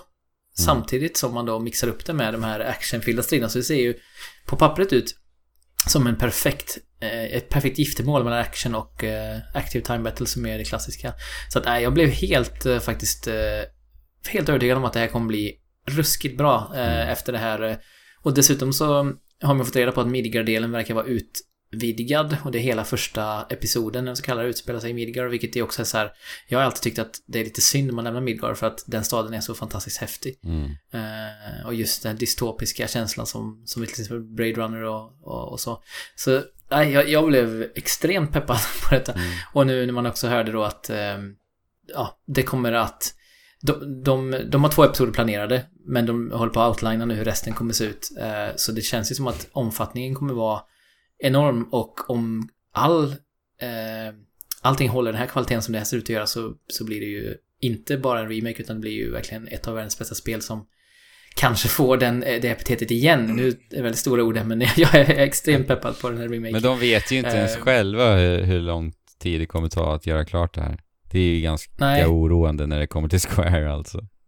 ja, men jag vet inte, jag har ju inte alls samma inställning till Square som ni och många har, utan jag tycker ju att den delen också på något sätt är ett plus. Alltså, jag menar, Final Fantasy 15 är ju en enda stor röra, men jag älskar varenda sekund av den röran på något sätt. Ja. Så att, jag vet inte, eh, they can do no wrong för mig. Men för mig, jag tycker ju också att det här ser jättebra ut. Alltså jag blev ju verkligen imponerad. Det ser ut som ett spel från framtiden, rent grafiskt också. Jag, jag kan inte riktigt bli peppad, just för att jag vet hur, hur, hur Square Enix hanterar deras släppdatum. Och jag vet att det här inte ens är ett färdigt spel. Nej, men låt, låt mig då föreslå Final Fantasy 8 Remastered. som de också utannonserade. Eh, det behöver vi inte säga så mycket om. De har bara putsat upp grafiken och musiken. Men eh, Final Fantasy 8 är också ett av mina absoluta favoritspel. Så att, Mm. eh, ja, jag eh, är... Eh, jag, jag håller händerna för öronen, säger la la la la och lever i min Ja. Final Fantasy-bubbla ett tag till. Marvels Avengers avslutade de med. Mm. Mm. Jaha. Alltså jag, jag, jag såg ju fram emot att få veta allt om det här spelet. Ja. Crystal Dynamics eh, tagning på Avengers. Men det känns ju som att det är rätt tid att göra när den här, eh, den här eran av Avengers är över och, och göra det här stora maffiga Avengers-spelet. Det hade varit så rätt i tiden. Mm. Eh, men det vi fick, det var en förrenderad trailer. Är det sant? Ja. Och, och någonting som jag tyckte var så himla konstigt, det var ju så här, alltså Avengers ändå, det är ju filmserier som har varit med oss i så här över tio års tid nu. Och vi har bekantat oss med med Iron Man, alltså Robert Downey Jr. och Captain America, alltså Chris, vad är han heter nu? Fan vad tappar det här, men eh, vad är han heter? Heter han Chris, Chris också? Hemsworth. Nej men Chris- det är Thor. ja. Men vad heter han? Alltså shit, nu tar jag bort det, men han heter Chris någonting också. Ja, jag vet inte. Chris Pratt. Nej, det är Nej, ju... det- är han. det är ju Star-Lord. Det, det är den andra. Det är Star-Lord. Alltså, så, Har de alltså tre extremt dålig Chris? koll på... Jag tror det. Jaha. Eller så gör jag bort mig helt och hållet nu. Men eh, Ja, ja, då får jag göra det. deras ansikten är vi vana vid, ja. Ja, och Mm. eh, i den här trailern så är det ju helt nya ansikten som spelar de här karaktärerna. Ja. Och det var lite svårt Eller gamla eller? Eller, Alltså är det inte serieförlagen de är... ja, det kanske det är. Det kanske det är. Men nej, eh, nej, det, nej, nej. Det här är ju Nolan North och Troy Baker och alla de där Okej, det är det. stjärnorna i... Vadå, är de baserade på deras ansikten också? Ja, men det tror jag. Det, det, de motion cappar ju, så att det borde det väl vara. Mm. Men det var bara väldigt konstigt liksom när man har lärt känna de här, alla de här karaktärerna i, i, i tio års tid. Ja, jag, ty- jag tyckte det var jättekonstigt alltså. Det kändes bara fel på något sätt. ja. Och, och, och jag tycker att det är inte det ganska... Alltså, det måste de väl ha förstått själva, tänker jag. Alltså, de borde nästan ha visat eh, andra typer av Avengers. Eller så här, de, kan ha haft, de hade kunnat haft de här, men att lägga sånt stort fokus på de här känns Mm. märkligt. Alltså de skulle kunna ha haft She-Hulk och, eh, alltså jag, jag kan inte För jättemånga Marvel-hjältar, men- men det finns ju hur många som helst att, att välja på. Och ha de här tillsammans med de här som vi är så vana att se. För nu var det ju nästan grundteamet ifrån första Ja, Avengers-filmen exakt. som vi fick se. Så det känns som att de backar där och börjar om från Ja. början i Det- spelet nu. Det var inte nästan, det var exakt det. Ja. Och, och sen så ska de göra sin egna lilla tolkning på det känns det som. Och, jag det hade menar- varit så snyggt om de hade vävt in det här spelet i Marvel Cinematic Universum och använt sig utav det. Alltså rent marknadsföringsmässigt så känns det som att det hade varit super. För vi har fått veta lite om det här spelet, att, att det här ska ha... Det var du som berättade nu för mig, att, att de skulle ha som en live service. Ja. Visst var det så? Mm. Så att det kommer uppdateras hela tiden. Mm. Och då känns det som en, en jättebra grej för det här spelet hade ju varit om de då kan introducera nya karaktärer när de introducerar nya filmer. Men nu ligger de ju efter en bra bit eftersom att eh, vi har en herrans massa karaktärer som saknas i det här spelet. Mm. Jag vet Men- fortfarande inte vad jag ska vänta mig av Avengers ännu. Nej. Jag känner mig lite förvirrad. Ja. mest. Och sen storyn de presenterade, jag, jag minns knappt vad de pratade om. Det kändes bara så här. alltså nu har vi fått, som du sa, tio år utav eh, Marvel-filmer och fick ett, ja, ett bra slut. Och då är det så här, jaha, ska de överträffa det där nu också, igen, här? Eller Mm. de ska väl försöka med det antar jag. I, Ja. något, i något live service-spel, och sen så, bara det är också så här att alla de här hjältarna spelas ju jätteolika. Alltså, eller självklart kommer de göra det. Jag menar, Hulk kan hoppa som en groda. Vi har Iron Man som flyger. Vi har eh, Captain America som egentligen bara är en vanlig människa som ränner omkring med sin sköld. Hur ska de designa detta? Det, är, det måste vara så svårt. Alltså fördelen för dem när de, om, när de då kör live service är ju att de kan ta sig rätt mycket tid för att liksom utforska en, en karaktärs moveset liksom. Ja men då känns alltså det ju som att... på det.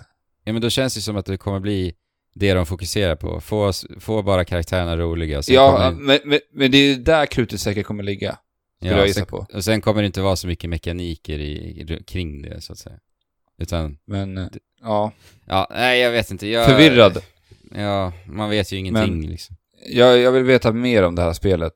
Kanske får vi veta mer på Comic Con, för att förmodligen så lär ju, lär ju Marvel ha ganska stor närvaro där i år, med tanke på att de inte ens har pratat om vad som Mm. händer i det cinematiska universumet ännu Mm. framöver.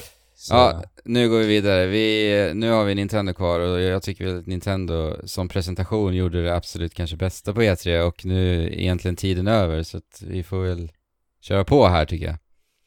Det var det tätaste, kvalitetstätaste presentationen helt klart. Bara fokus på spel och många väldigt spännande spel som dessutom släpps Snart. ganska snart. Ja, och eh, som sagt mycket spelsekvenser. Pokémon tjuvstartade lite Pokémon Company förra veckan ju. De hade ju en Pokémon Sword and Shield Direct. Där vi fick se mycket nytt från Pokémon Sword and Shield. Och den största jag tog med mig därifrån var ju att Det kommer alltså finnas eh, ett, eh, vad de kallar för Wild Area.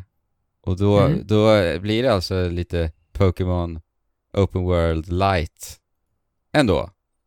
Och Mm. eh, det tyckte Ja, och det jag var en trevlig överraskning ändå faktiskt. Alltså, det, det känns som att det här är det första steget innan de Mm. tar det Ja. stora klivet till att göra Exakt. det där Pokémon-spelet som Ja, alla har drömt om. Så, eh, ja, vilken, eh, vilken av eh, de legendariska Pokémon väljer ni då? Hunden med svärdet eller hunden Alltså, med sköldfacet? Gud vad jag tycker de här var fula. Ehm, Jag och Nils enades ju om att vi tyckte att sköld, eh, sköldfacet såg coolare ut. Ja, jag stör mig på svärdhunden för att, eh, att svärdet då ska vara en del av hundens kropp på något sätt. De brukar Fast den alltid... har den i munnen. Ja, men de brukar alltid förklara att alla Pokémon som har de här eh, specialdelarna är Mm. oftast, en- tillhör ju Pokémonens kropp. det är som när eh, Detective Pikachu-regissören frågade om Machamps eh, byxor, eller shorts. Då, Ja. sa, då sa The Pokémon Company, ja men det är en del av hans kropp. Och det har varit en, en riktig utmaning att, att göra det otecknat. För då borde ju svärdens, eller hundens svärd vara en del av kroppen också. ja, Är det tungan då? ja. ja, det, det kan man svärd, svärdtunga. Nej men jag kommer faktiskt spela Pokémon Shield för att, eh, ja, min sambo Emma vill spela Sword. Så, det får bli Shield. Mm. Nej men det ser spännande ut. Det är kul att de tillför någonting nytt. Och även det här Dynamaxing då som är nya. Att man kan mega eh, dopa sin Pokémon och bli svinstor. Ja. Ja, Kai, Eh, Kaiju Pokémon blir det ju. precis. Och Raida också tillsammans i det här spelet. Ja, alltså det, jag tycker det ser mysigt ut faktiskt. Det är ändå Pokémon Mm. också. Eh, sen så visade de eh, två nya karaktärer till Smash. Super Smash Bros. Ultimate. Ja. Och den eh, första de visade var ju Dragon Quest-hjälte, The Hero. eh, och det här, det här var ju jättegivet såklart. Jag menar, Dragon Quest är ju en av de största spelserierna i Japan och det hade ryktats redan innan också att det här skulle ske. Så att, nu händer det. Ja, och The Hero känns ju verkligen som ett namn som passar rakt in i Smash, eh, liksom fullständigt fåniga eh, värld. ja. Eh, 70 andra heroes i, i spelet redan. Ja. Men också roligt att eh, de trollade lite med eh, eh, andra eh, utannonseringen. Den kom ju också senare i, i Directen, det var inte samtidigt. Och att man trodde att så här, aha, det var bara, eh, vad heter den? Duck Hunt. Duck Hunt. Duo. Eh, Duck Hunt Dog, ja. Mm. Eh, och sen så fick man säga, aha, det var ändå Banjo Kazooie. Och sen att de som- använde samma sekvens som när King K. Rool utannonserades. Ja, just det, det, tänkte jag inte ens på. Mm. Och King K. Rool ligger och sover i, i huset med Diddy och Donkey också nu. Mm. Nils blev väldigt förvånad över det. Va? Är han god nu? Sa Nils. ja. ja, men precis. Banjo Kazooie också då. Mm. Jag tycker Banjo Kazooie ser så jäkla fin ut i Smash. Ja, en charmig sekvens i slutet när den försöker sno en eh, paj från en eh, Ivysaur. Ivysaur och väcker den ja. och blir ivägjagad. Det var faktiskt, det är, de är ju extremt bra på att skapa den typen av små charmiga Ja, eh, sekvenser. Alltså jag, jag spelar ju Smash fortfarande än idag och eh, The Hero tyckte jag väl såg lite halvtrist ut just för, för det är ju bara en svärdkaraktär bland alla svärdkaraktärer.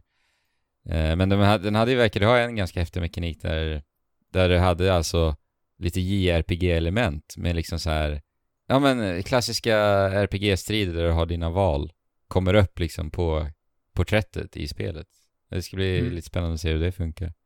Så man kan göra typ olika attacker från det där menyvalet så. Och Benny Kazooie han har ju, eller de, har ju eh, eh, alla rörelsemönster ser man ju kommer direkt från spelen. Jag kollade på en sån här video där de visade liksom eh, animationerna ifrån Nin- Nintendo 64-spelet och allting är ju så sjukt snyggt representerat i, i Ultimate nu. Ja, skönt att det blivit fler karaktärer också för det har ju verkligen varit ett brist annars i spelet. Ja, verkligen. Ja. Två kvar nu i alla fall. Som vi inte vet. Just det. Minecraft Steve, make it happen. Eh, ja, vad var något mer ni tyckte var bra under Nintendos presentation? Nej, inte egentligen. Mm. jo, det var väl hur mycket som helst. Uh, Animal Crossing fick vi se till slut eh, gameplay och eh, ett datum som var betydligt senare i tiden än vad de hade sagt först, eh, 20 eh, mars, min svägerskas födelsedag. Men ehm, Har du spelat Inte Animal. Crossing tidigare? Alltså, vi kom ju fram till det på, vad heter det, Discorden häromdagen att jag har ju exakt samma som Andrew tror jag, att vi spelade båda eh, GameCube-versionen ganska mycket. Eh, älskade det egentligen, men har sen inte riktigt plockat upp det av någon anledning. Så det här blir faktiskt det andra Okej. Animal Crossing-spelet. Alltså jag, jag har ju spelat alla Animal Crossing som har kommit. Mm. Och- Du har till och med tatueringar på din kropp. Ja, utav KK Slider då. Den här hunden som Mm. spelar gitarr på varje lördag. Mm. Eh, och, och jag kände, det de alltid brukar vara duktiga på när de utannonserar Animal Crossing annars, det är att verkligen gå igenom vad nästa stora förändring är. De, nu berättar de bara att det handlar om eh, Deserted Islands, men inte riktigt vad det innebär. Men de brukar Mm. vara väldigt noga med att gå igenom liksom vad det nya, häftiga med Animal Crossing är. Och det tyckte jag inte riktigt framgick. Och för mig som har spelat alla Animal Crossing så har jag svårt att bli liksom, att se fram emot det här. Utöver att det, alltså det ser jättefint ut och det är superkul att se att det äntligen är på väg. Men jag hade velat fått någonting att längta efter lite mera. Att de hade Mm. kunnat gått in på vad det här innebär för spelaren. Men det, det här var väl premiär för The Nook Phone? Eller har den funnits tidigare? Eh, väl Nuck Inc i början. Ja, Ja, för det, det är Nej, ju en, phone. eh, en- alltså du har en telefon. Ja, alltså ja, ja just det. Nuck, ja, Nook Nuck, Phone. Nuck Phone. Ja, just det. Ja, det, är- det är en ny grej. Eh, det känns ju också lite som att från början så var inte Nintendo riktigt med på att Tom Nook skulle bli betraktad på det här sättet som han nu är, det vill säga som en slags charmig utsugare. Eh, och nu känns det som att de har gått all in på den memen nästan. Ja. Eh, I spelet också med man fick se en sekvens där han sa så här, ja men det Ja, just det. Hur inkluderar mycket pengar. flygresan och, ja, och så blev det världens horribla typ 49 000 päls eller vad det nu var. Ja. Han, han gick ju i pension i förra spelet. Tom Han kunde Nook. inte hålla sig. Och eh, hans söner tog över istället. Och eh, det är där Isabel då kom in. Och eh, tog över tjänsten Mm. efter Tom Nook. Så han har väl startat företag på äldre dag kanske. Han älskar sina pengar för mycket. Ja, det gör han verkligen. Men jag, jag kikade lite på eh, Nintendo Treehouse-presentationen efter Nintendo Directen. Och eh, det trevliga jag tog med mig därifrån är att det kommer finnas multiplayer för åtta personer. Så man kan besöka varandras öar, för det är ju alltså öar man befinner sig på nu då. Och det, Mm. det tycker jag låter jättemysigt. I, I realtid då, alltså. Ja, man, precis. Man åker till varandra och spelar tillsammans. Liksom.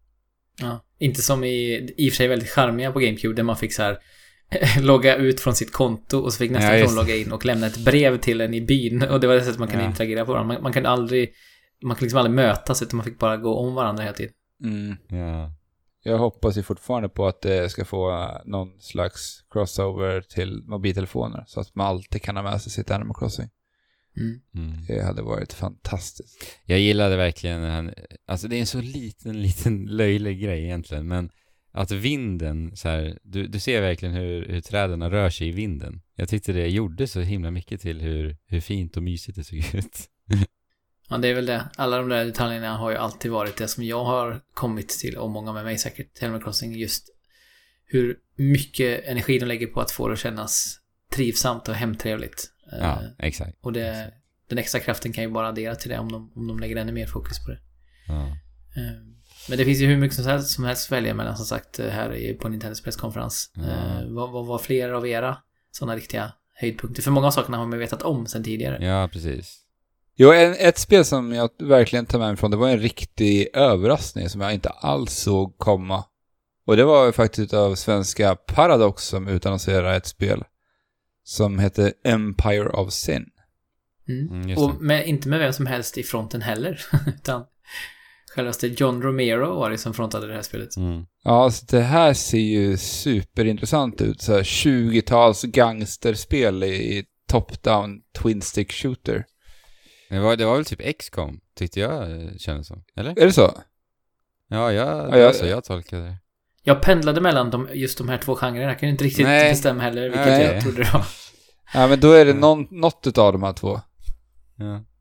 Som jag säger. Och Men det, det- temat är superhäftigt. Jag, jag gillar det jättestarkt alltså. Men hörni, parad Paradox, det är väl, då borde det väl nästan vara XCOM? Eller? Ja, det borde ju vara det. Ja.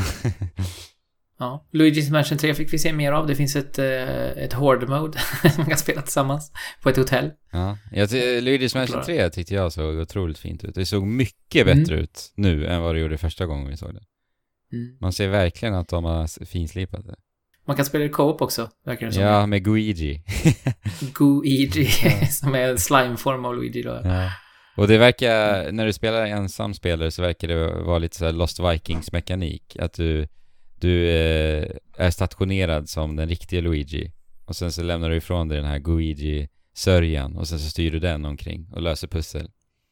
Kan bli trevligt. Och jag, jag gillar att, eh, att spelet kommer att ha ett helt öppet hotell för att eh, uppmuntra till ännu mer utforskande. Så att det kommer inte vara det här eh, uppdragsindelade som det var i Dark Moon. Jag har ju faktiskt inte spelat ett enda Luigi-spel. Men eh, för min del så låter det ju bara positivt att gå tillbaka till att hela hotellet är öppet att utforska. Liksom. Det är också roligt att se hur de älskar att plåga Luigi, Nintendo. Han får ju Ja. alltid utsättas för... eh, han, han ser ju helt skräckslagen ut konstant eh, i det här stackars... eh, De borde skicka honom på semester snart i något spel. ja. Ja men det är ju det de gör. Men det verkar inte funka ändå. Han är ju, åker ju till hotell nu liksom. mm. Drömsemester som förvandlas till mardröm. Ja. Alltså han är ju så otroligt uttrycksfull i det här spelet. Animationerna ser ju helt otroligt bra ut verkligen. Mm. Och jag älskar att han eh, verkligen är på sin vakt i allt han gör. Bara ett ljud eh, dyker upp någonstans ifrån så, så reagerar han på det. Det ser så charmigt ut. Så jag blev he- jag blev ställd, alltså det har ju ryktats om eh, på tal om läskiga spel, kanske något eh, mörkare än Luigi's, Luigi's Mansion 3, men fortfarande en annan trea, The Witcher Mm. 3 som kommer till Nintendo Switch. Och det har ju ryktats om att jag ska göra det, men det har bara känts som nonsens, för hur ska de kunna klämma in det? Och dessutom allt innehåll i det här spelet som, alltså, köper man det här spelet, man kommer ju inte behöva spela något annat på fyra år om man inte vill. Nej. Eh, och det ska ju bli, det kommer ju, det kommer ju få göras liksom eh, eftergifter liksom. Det kan ju inte vara, det måste ju vara helt nedbantat vad gäller grafiskt och så, men det, det är ändå mäktigt att se det här spelet rulla på en Switch. ja, det, det är ju faktiskt jätteimponerande. Mm. Det, skulle, det här vill man ju faktiskt se, hur det här ser ut. För det låter ju lite för sjukt för att vara sant. Mm. Ja. Eh, Men ja, har man inte spelat Witcher 3 innan så ska man ju definitivt göra det, för det är ju fantastiskt vad gäller eh, manus och eh, karaktärs, ja, världsbyggande och karaktärsbyggande. Mm. Jag har ju inte gjort det faktiskt. Nej, ta med dig det till eh, en eh, fjällstuga en vecka och ligg framför brasan och spela det här. Räcker det den där veckan då? Nej, det kommer du inte göra. Du får ta en väldigt lång fjällstugesemester. Link's Awakening fick ju datum 20 september också. Det var ju trevligt. Det är väldigt snart. Ja, det är ju snart. Ja. Mm.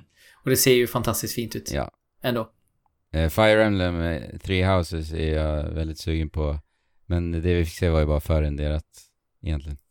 Mm. Men det som var intressant är att de avslöjade ju att eh, det de hade visat hittills var bara en väldigt liten del av storyn. Ja, Eh, att det var ett tidshopp med. Eh, som man inte har fått se tidigare. ja. Eh, och den här kla- klassen som får en reunion och en karaktär uttrycks som den sämsta reunion nå- någonsin. Som och slåss mot varandra Ja. för livet.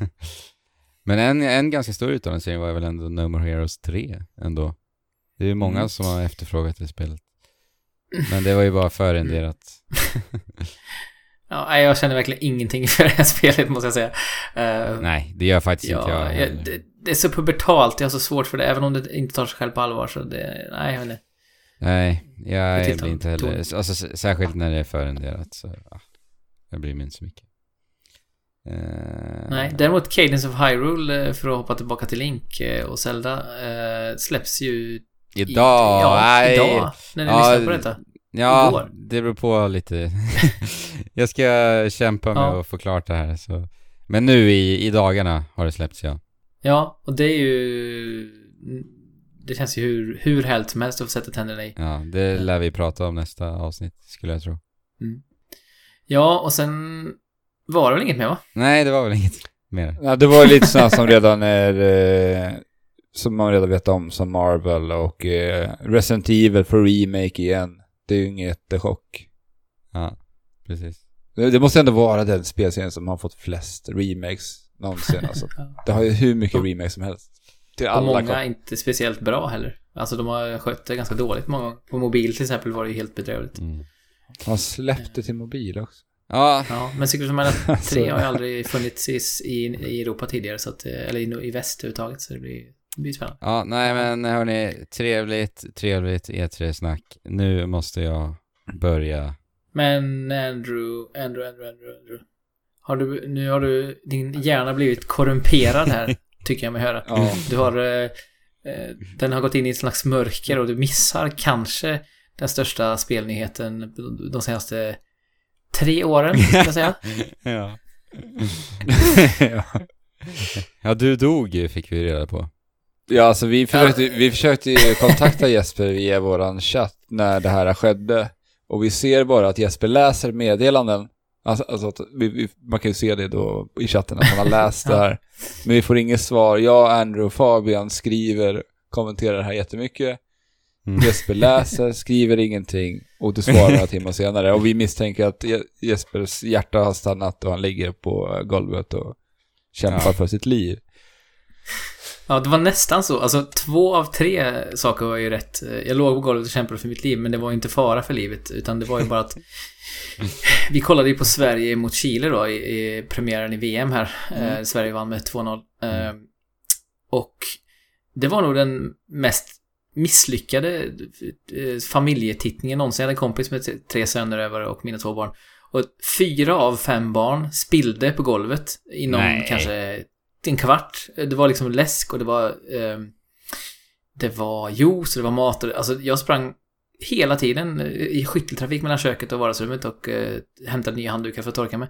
Eh, sen hade min mat inte kommit med visade sig sen när jag hade torkat färdigt. Så jag fick, jag fick åka och hämta maten sen.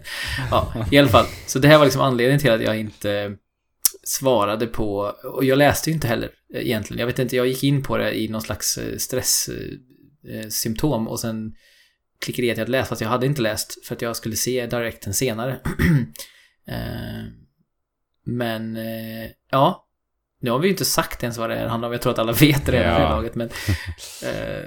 Zelda Breath of the Wild 2, eller ja, det kommer kanske inte heta så när det väl släpps, men... En det är det uppföljare just nu. Mm. Mm. Vad är er spontana, vad var er spontana känsla? Nej. Alltså jag, jag har varit så himla, alltså jag pratade jättemycket om det när jag spelade Breath of the Wild, att jag hade önskat att DLC till Breath of the Wild skulle vara en Dark World. Och sett att, alltså så som jag tolkar den här trailern så känns det som att de, de gör en Dark World-tagning fast i Breath of the Wild-världen. De återanvänder det som redan de har lagt ner så otroligt många timmar på och gjorde så fantastiskt bra i Breath of the, Breath of the Wild. Och Mm. det gjorde mig ju superpeppad att få se en annan mörkare tagning på den här fantastiska världen som vi avnjöt för tre och ett halvt år sedan. Mm. Eller ja, det blir väl tre år nu i, i mars. Tre. I mars blir det tre år. Men, alltså, jag, jag, jag vet inte, jag, jag tror jag aldrig någonsin har blivit så, så blåst av stolen av en utannonsering. Någonsin faktiskt. Även fast Eh. den är förrenderad. Nej men den här, ja, ja faktiskt. Alltså, för det, det finns anledningar till varför. Alltså, dels för att den är ju inte förrenderad. Vi vet ju att spelet ser ut sådär, så att det är ändå i spelet, så att säga. Och sen eh, också för att jag trodde aldrig någonsin att det skulle hända. Alltså jag hade, det liksom fanns inte på världskartan att det här skulle utannonseras. Och det bästa av allt är just bekräftelsen att det här, det nästa Zelda-spel kommer bara vara, eller det ko- inte bara, det kommer vara en uppföljare utav Breath of the Wild, vilket betyder att det troligtvis ligger närmare i tiden än vad annars ett helt nytt Zelda skulle vara. Och det är ju egentligen exakt det här jag ville. Jag ville verkligen att de skulle göra en, en Majora's Mask för Breath of the Wild, det vill säga att de använder världen, de använder assets från, från Breath of the Wild och gör en uppföljare. Det är precis vad jag ville. Alltså det är just den bekräftelsen som gör mig så glad. Och sen just stämningen i den här trailern tycker jag är, alltså det, det är helt otroligt. Och musiken som är så, så mystisk som förde tankarna lite till eh, Twilight Princess-mystiken. Det är lite så här musik som spelas baklänges och Mm. sen är det någon läskig väsen som ser lite Ganon-esk ut där i mitten. Så, och den här lysande handen, alltså allting var bara nästan perfekt i, i stunden. I stunden var det verkligen det. Jag eh, tittade ju på den här igår kväll och som sagt Nils eh, missade ju den. Han såg första halvan av Directen. Men...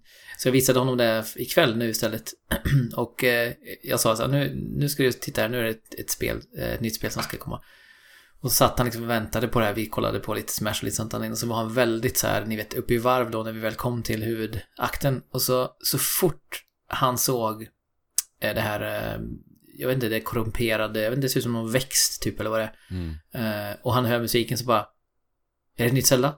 Är det ett nytt Zelda? och, så såg han, och så såg han liksom Link och Zelda och han liksom bara Man bara såg hur han bara liksom Ja. sken upp i hela ansiktet och eh, blev så här, ni vet, hoppig i hela kroppen och så, Ja. kan man spela två? Kan man spela två? Han var så här, när man såg att det var fokus på Link och Zelda så, Mm. så och det har vi också spe- spekulerat i ju. Eh, Ja. Kommer det vara ett spel där man antingen kan spela som Zelda också eller rent av spela tillsammans? Eh, Mm. Är frågan i co-op. Nej men det tror jag Alltså, inte. jag- tror, jag tror co-op är helt, helt ute ur världen. Det, Ja, jag hade hoppats på att man kunde spela båda två och att man liksom kan placera dem på. Alltså världen är ju ganska stor i den här världen. Så att min dröm hade varit att man hade kunnat switcha vem man vill vara och placera ut dem här i Mm. denna världen och hoppa emellan dem på något sätt. Alltså det är inte, det är inte omöjligt eh, med tanke på att Zelda är ju fri nu. Vi friar ju henne i Breath of the Wild liksom. Så att nu är de Ja, det vore ju väldigt tråkigt om hon bara så här, nej nu fastnar hon i den här korrumperade Ja, igen. istället. Ja. det vore ju astråkigt. Det skulle ju vara en frä- fräsch take om det var tvärtom i och för sig. Att man spelar Ja, hela spelet precis. Zelda i princip och att Link är den Ja. som blir eh, fången. Ja. Undrar om Exakt. motorcykeln ligger kvar i världen. Det verkar i alla fall i trailern som att de är under Hyrule Castle. För i slutet på trailern får vi se att, att Hyrule Castle eh, lyfter från ytan och rör sig upp till eh, rym rymden kanske. Är det där det kommer utspela sig? Sci-fi Ja. Zelda alltså. Ja. ja, eller upp till, eh, vad heter det? Skyloft. Skyward Sword. Alltså, mm, precis. Eh, nej, men det som jag tyckte var fascinerande också var ju att i slutet på eh, Breath of the Wild, i the true ending, eller vad man ska kalla det. ehm, jag tror att det är så, eller så också får alla se det i slutet, jag är osäker. Men då säger de ju, då säger Zelda, ja men vi har fått rapporter om Ja, just det. Eh, ovanlig aktivitet vid, eh, vart var det någonstans? Var det vid... eh, Kakariko eller Hatena, någon village. Ja. Eh, och det var någon, var det någon blomma de pratade om till och med? Ja, det var i alla fall någon, någonting som var som var en ovanlig aktivitet. Vi måste gå dit och undersöka. Så det känns ju som att spelet tar vid i princip timmar efter att man har slutat, eh, att man har lämnat Breath of the Wild. Vilket Mm. är också så här, wow, det har ju aldrig hänt i Zelda-historien tidigare att det bara är Mm. En ren uppföljare. Alltså, Eh, det hade- Och är det något Det hade varit så häftigt om de använder en sparfil alltså på något sätt. Ja, faktiskt. Alltså Ja, där det- man avslutar liksom Breath of the Wild bara tar fart direkt verkligen där, där man stannade sist. ja, ja, ja. I, I världen liksom, där man stannar. Ja. Men för mig är ju den här mörka tonen inte, alltså det är motsatt till er, det är ju inte det jag vill ha. Nej. Samtidigt känner jag så här att det spelar liksom ingen roll. Det skulle kunna vara så här, nu har vi gjort ett, eh, eh, nu har vi gjort ett eh, Doom Zelda här. Det skulle inte spela någon roll för mig för att bara få återvända till Breath of the Wild-världen, eh, Hyrule som det ser ut och få en ursäkt för att upptäcka nya saker. Det är ju allt jag begär och drömmer om. Så att, ja, vilken otrolig avslutning på E3. För det här var ju sista vi såg på E3 vad gäller eh, presskonferenser. Ja. Mm. Eh, snacka om att spara det bästa till sist. ja, verkligen. Mm. Men som, som Andrew säger, alltså att, att man har tagit och gjort, jobb, jobbat med så mycket assets som redan är, alltså de har ju så mycket för jobb klart redan. Det här spelet Ja. kanske inte ligger så långt bort. Alltså, det skulle Nej. kanske kunna komma slutet på nästa år. Ja, Eller så det kommer det säkert, det är inte helt osannolikt. Nej. För jag tänker så här, alltså nästa vinter, då är Breath of the Wild tre och ett halvt år gammalt. Så att det, är, Mm. det är verkligen inte omöjligt. Men jag skulle gissa tidigt 2021 om jag ska vara realistisk faktiskt. Men, Men det skulle ju vara så härligt att få spela det på julen. Man vill ju spela ett Zelda-spel över, över jul. Det är det jag alltid förknippar med. Jag spelade Ocarina of Time över jul och det var ju det Ja. bästa tillfället. mm. Ja. Eh, Nej, det är... Men, ja. ja. Jag, jag, tapp, jag eh, tappade det igår när det hände. jag, var he- jag typ skakade liksom när, när de visade det här. För det var så otippat. Det var verkligen det. Jag trodde faktiskt det var Metroid först, för att det är just mystiken och Det här eh, Ja. mys- mystiska ljuset som rörde sig, det kändes väldigt Metroid faktiskt. Och hela det organiska Ja, Eh, omgivningen är ju verkligen Ja. Metroid-feeling. Men alltså, på tal om det där du sa Jesper med mörker. Alltså när jag, när jag tänker mörker i Zelda-spel så, så tänker inte jag heller att det ska vara så här bara blytungt mörker. Utan mörker i Zelda-spel, eh, även i liksom Majora's Mask som många anser vara det mörkaste, är ju inte just det. Utan det finns ju fortfarande den här kontrasten med de här lite flummiga karaktärerna man stöter på. Och det kan vara väldigt glättigt också. Och det är det som är så, så fint med Zelda eh, och hur de hanterar mörker. Att det, det finns väldigt mycket kontraster fortfarande. För jag menar, Breath of the Wild är ju väldigt mörkt egentligen, om man tänker på det. Mm. Alltså vi är ju in, i en helt ödesdigen värld som är helt nedgången. Och musiken speglar ju det väldigt mycket, att det har en väldigt melankolisk känsla egentligen överlag också. Precis. Så. Det var exakt det jag skulle säga, att musiken känns ju som att den kommer kunna bli makalöst bra i just den här miljön. Ja. Eh, om man tänker på hur Dark World-temat är i, i Link to the Past till exempel, som är kanske en av de bästa Mm. Zelda-låtarna överhuvudtaget. Men jag tror tveklöst att Breath of the Wild-uppföljaren kommer vara mörkare. För det, vi har ju sett kommentatorer, eller kommentarer från Ed Anuma nu också. Och han är och han, eh, han har ju sagt att det ni har fått sett hittills i Breath of the Wild-uppföljaren är mörkare än Majora's Mask, har han sagt. Så, Mm. så det verkar vara så Jo, att, att lite de går lite för det också. Det var ju lite skräckigt, alltså den här eh, Night King-karaktären som öppnade ögonen. Ja, det var ju verkligen. mycket läskigare än vad man är van vid i Zelda faktiskt. eh. Ja, faktiskt. Men eh, ja, drömmen om att få återvända till Hyrule är vid liv igen och det känns så himla härligt. Det känns som att Mm. man har fått liksom några fjärilar i magen som kommer att försiktigt fladdra runt där tills man tills den dagen man får sätta tänderna i Death of the Wild eller vad det kommer heta då. Breath of Death. ja. ja, otroligt häftigt faktiskt. Mm. Ja, Och det avslutar vår E3-genomgång, eller på att säga. Det var ju en gedigen eh, insats från oss. En och en halv timme sa vi ju. Nu har det gått eh, inspelningstid eh, nästan två. Mm. men, men det får bli så. Vi får se när det här släpps nu. Det är bara E3 en gång om året. ja, det är det faktiskt. Ja. Och så får vi se om det blir något nästa år. Ja, ja, ja. Alltså jag tror nästa år kommer det vara... Då kommer det vara pang boom alltså. Sony kommer vara där, Microsoft kommer vara där. De kommer visa nya konsoler och släpptitlar och allt det är. Du är hoppfull. Nintendo visar sin nya konsol också kanske. Alltså inte nya konsol utan sin nya ver- version av Switch. Just. Om de väntar så länge. Jag hade hoppats på att få se den i år. För att jag, jag, Ja, jag kommer ju behöva köpa en till Switch när det är dags för Animal Crossing. Jag tror det finns fortfarande möjlighet att det kommer släppas nya i år faktiskt. Eller en nya. Ja. För Pokémon Ja. kommer och eh, sen så kommer vi med Animal Crossing tidigt nästa år. Så att jag tror att det finns en chans för det. Mm. Och jag vill ha en ursäkt för att köpa en Switch till också för att Jag eh, med. Nils eh, lägger ju vantarna på den hela tiden så att jag kan inte ha med den när jag reser. Eh, och då måste jag få en ursäkt att köpa en ny så att vi kan ha varsin. Ja. Ja men coolt. Eh, Vi är tillbaka om två veckor igen och då kommer vi prata mycket om spelen som vi har spelat. Troligtvis blir det lite Mario Maker 2 då också ju. Det blir ju trevligt. Absolut. Mm. Ja men eh, oss kan man nå genom att titta i beskrivningen till avsnittet. Där ser ni vart vi befinner oss på alla sociala medier. Discord framförallt har ni där. Instagram som vi är mest aktiva på också. Så anslut gärna till vår Discord-kanal. Det har varit kul nu under E3 faktiskt. Och diskutera vad som händer. Jag måste få räcka upp handen en sista gång här också i klassen. Mm. Eh, och det är ju faktiskt att eh, jag eh, släpper ny podd, eller vi släpper ny podd. Ja, just det. Eh, Just det. Och då menar jag inte vi som i Trekraften, utan vi som i Female Legends och i vårt, vårt projekt. Eh, podden heter E-sportförälder och eh, finns när du hör det här på, ja, överallt. På iTunes och Spotify. Vi länkar ju såklart den i beskrivningen också.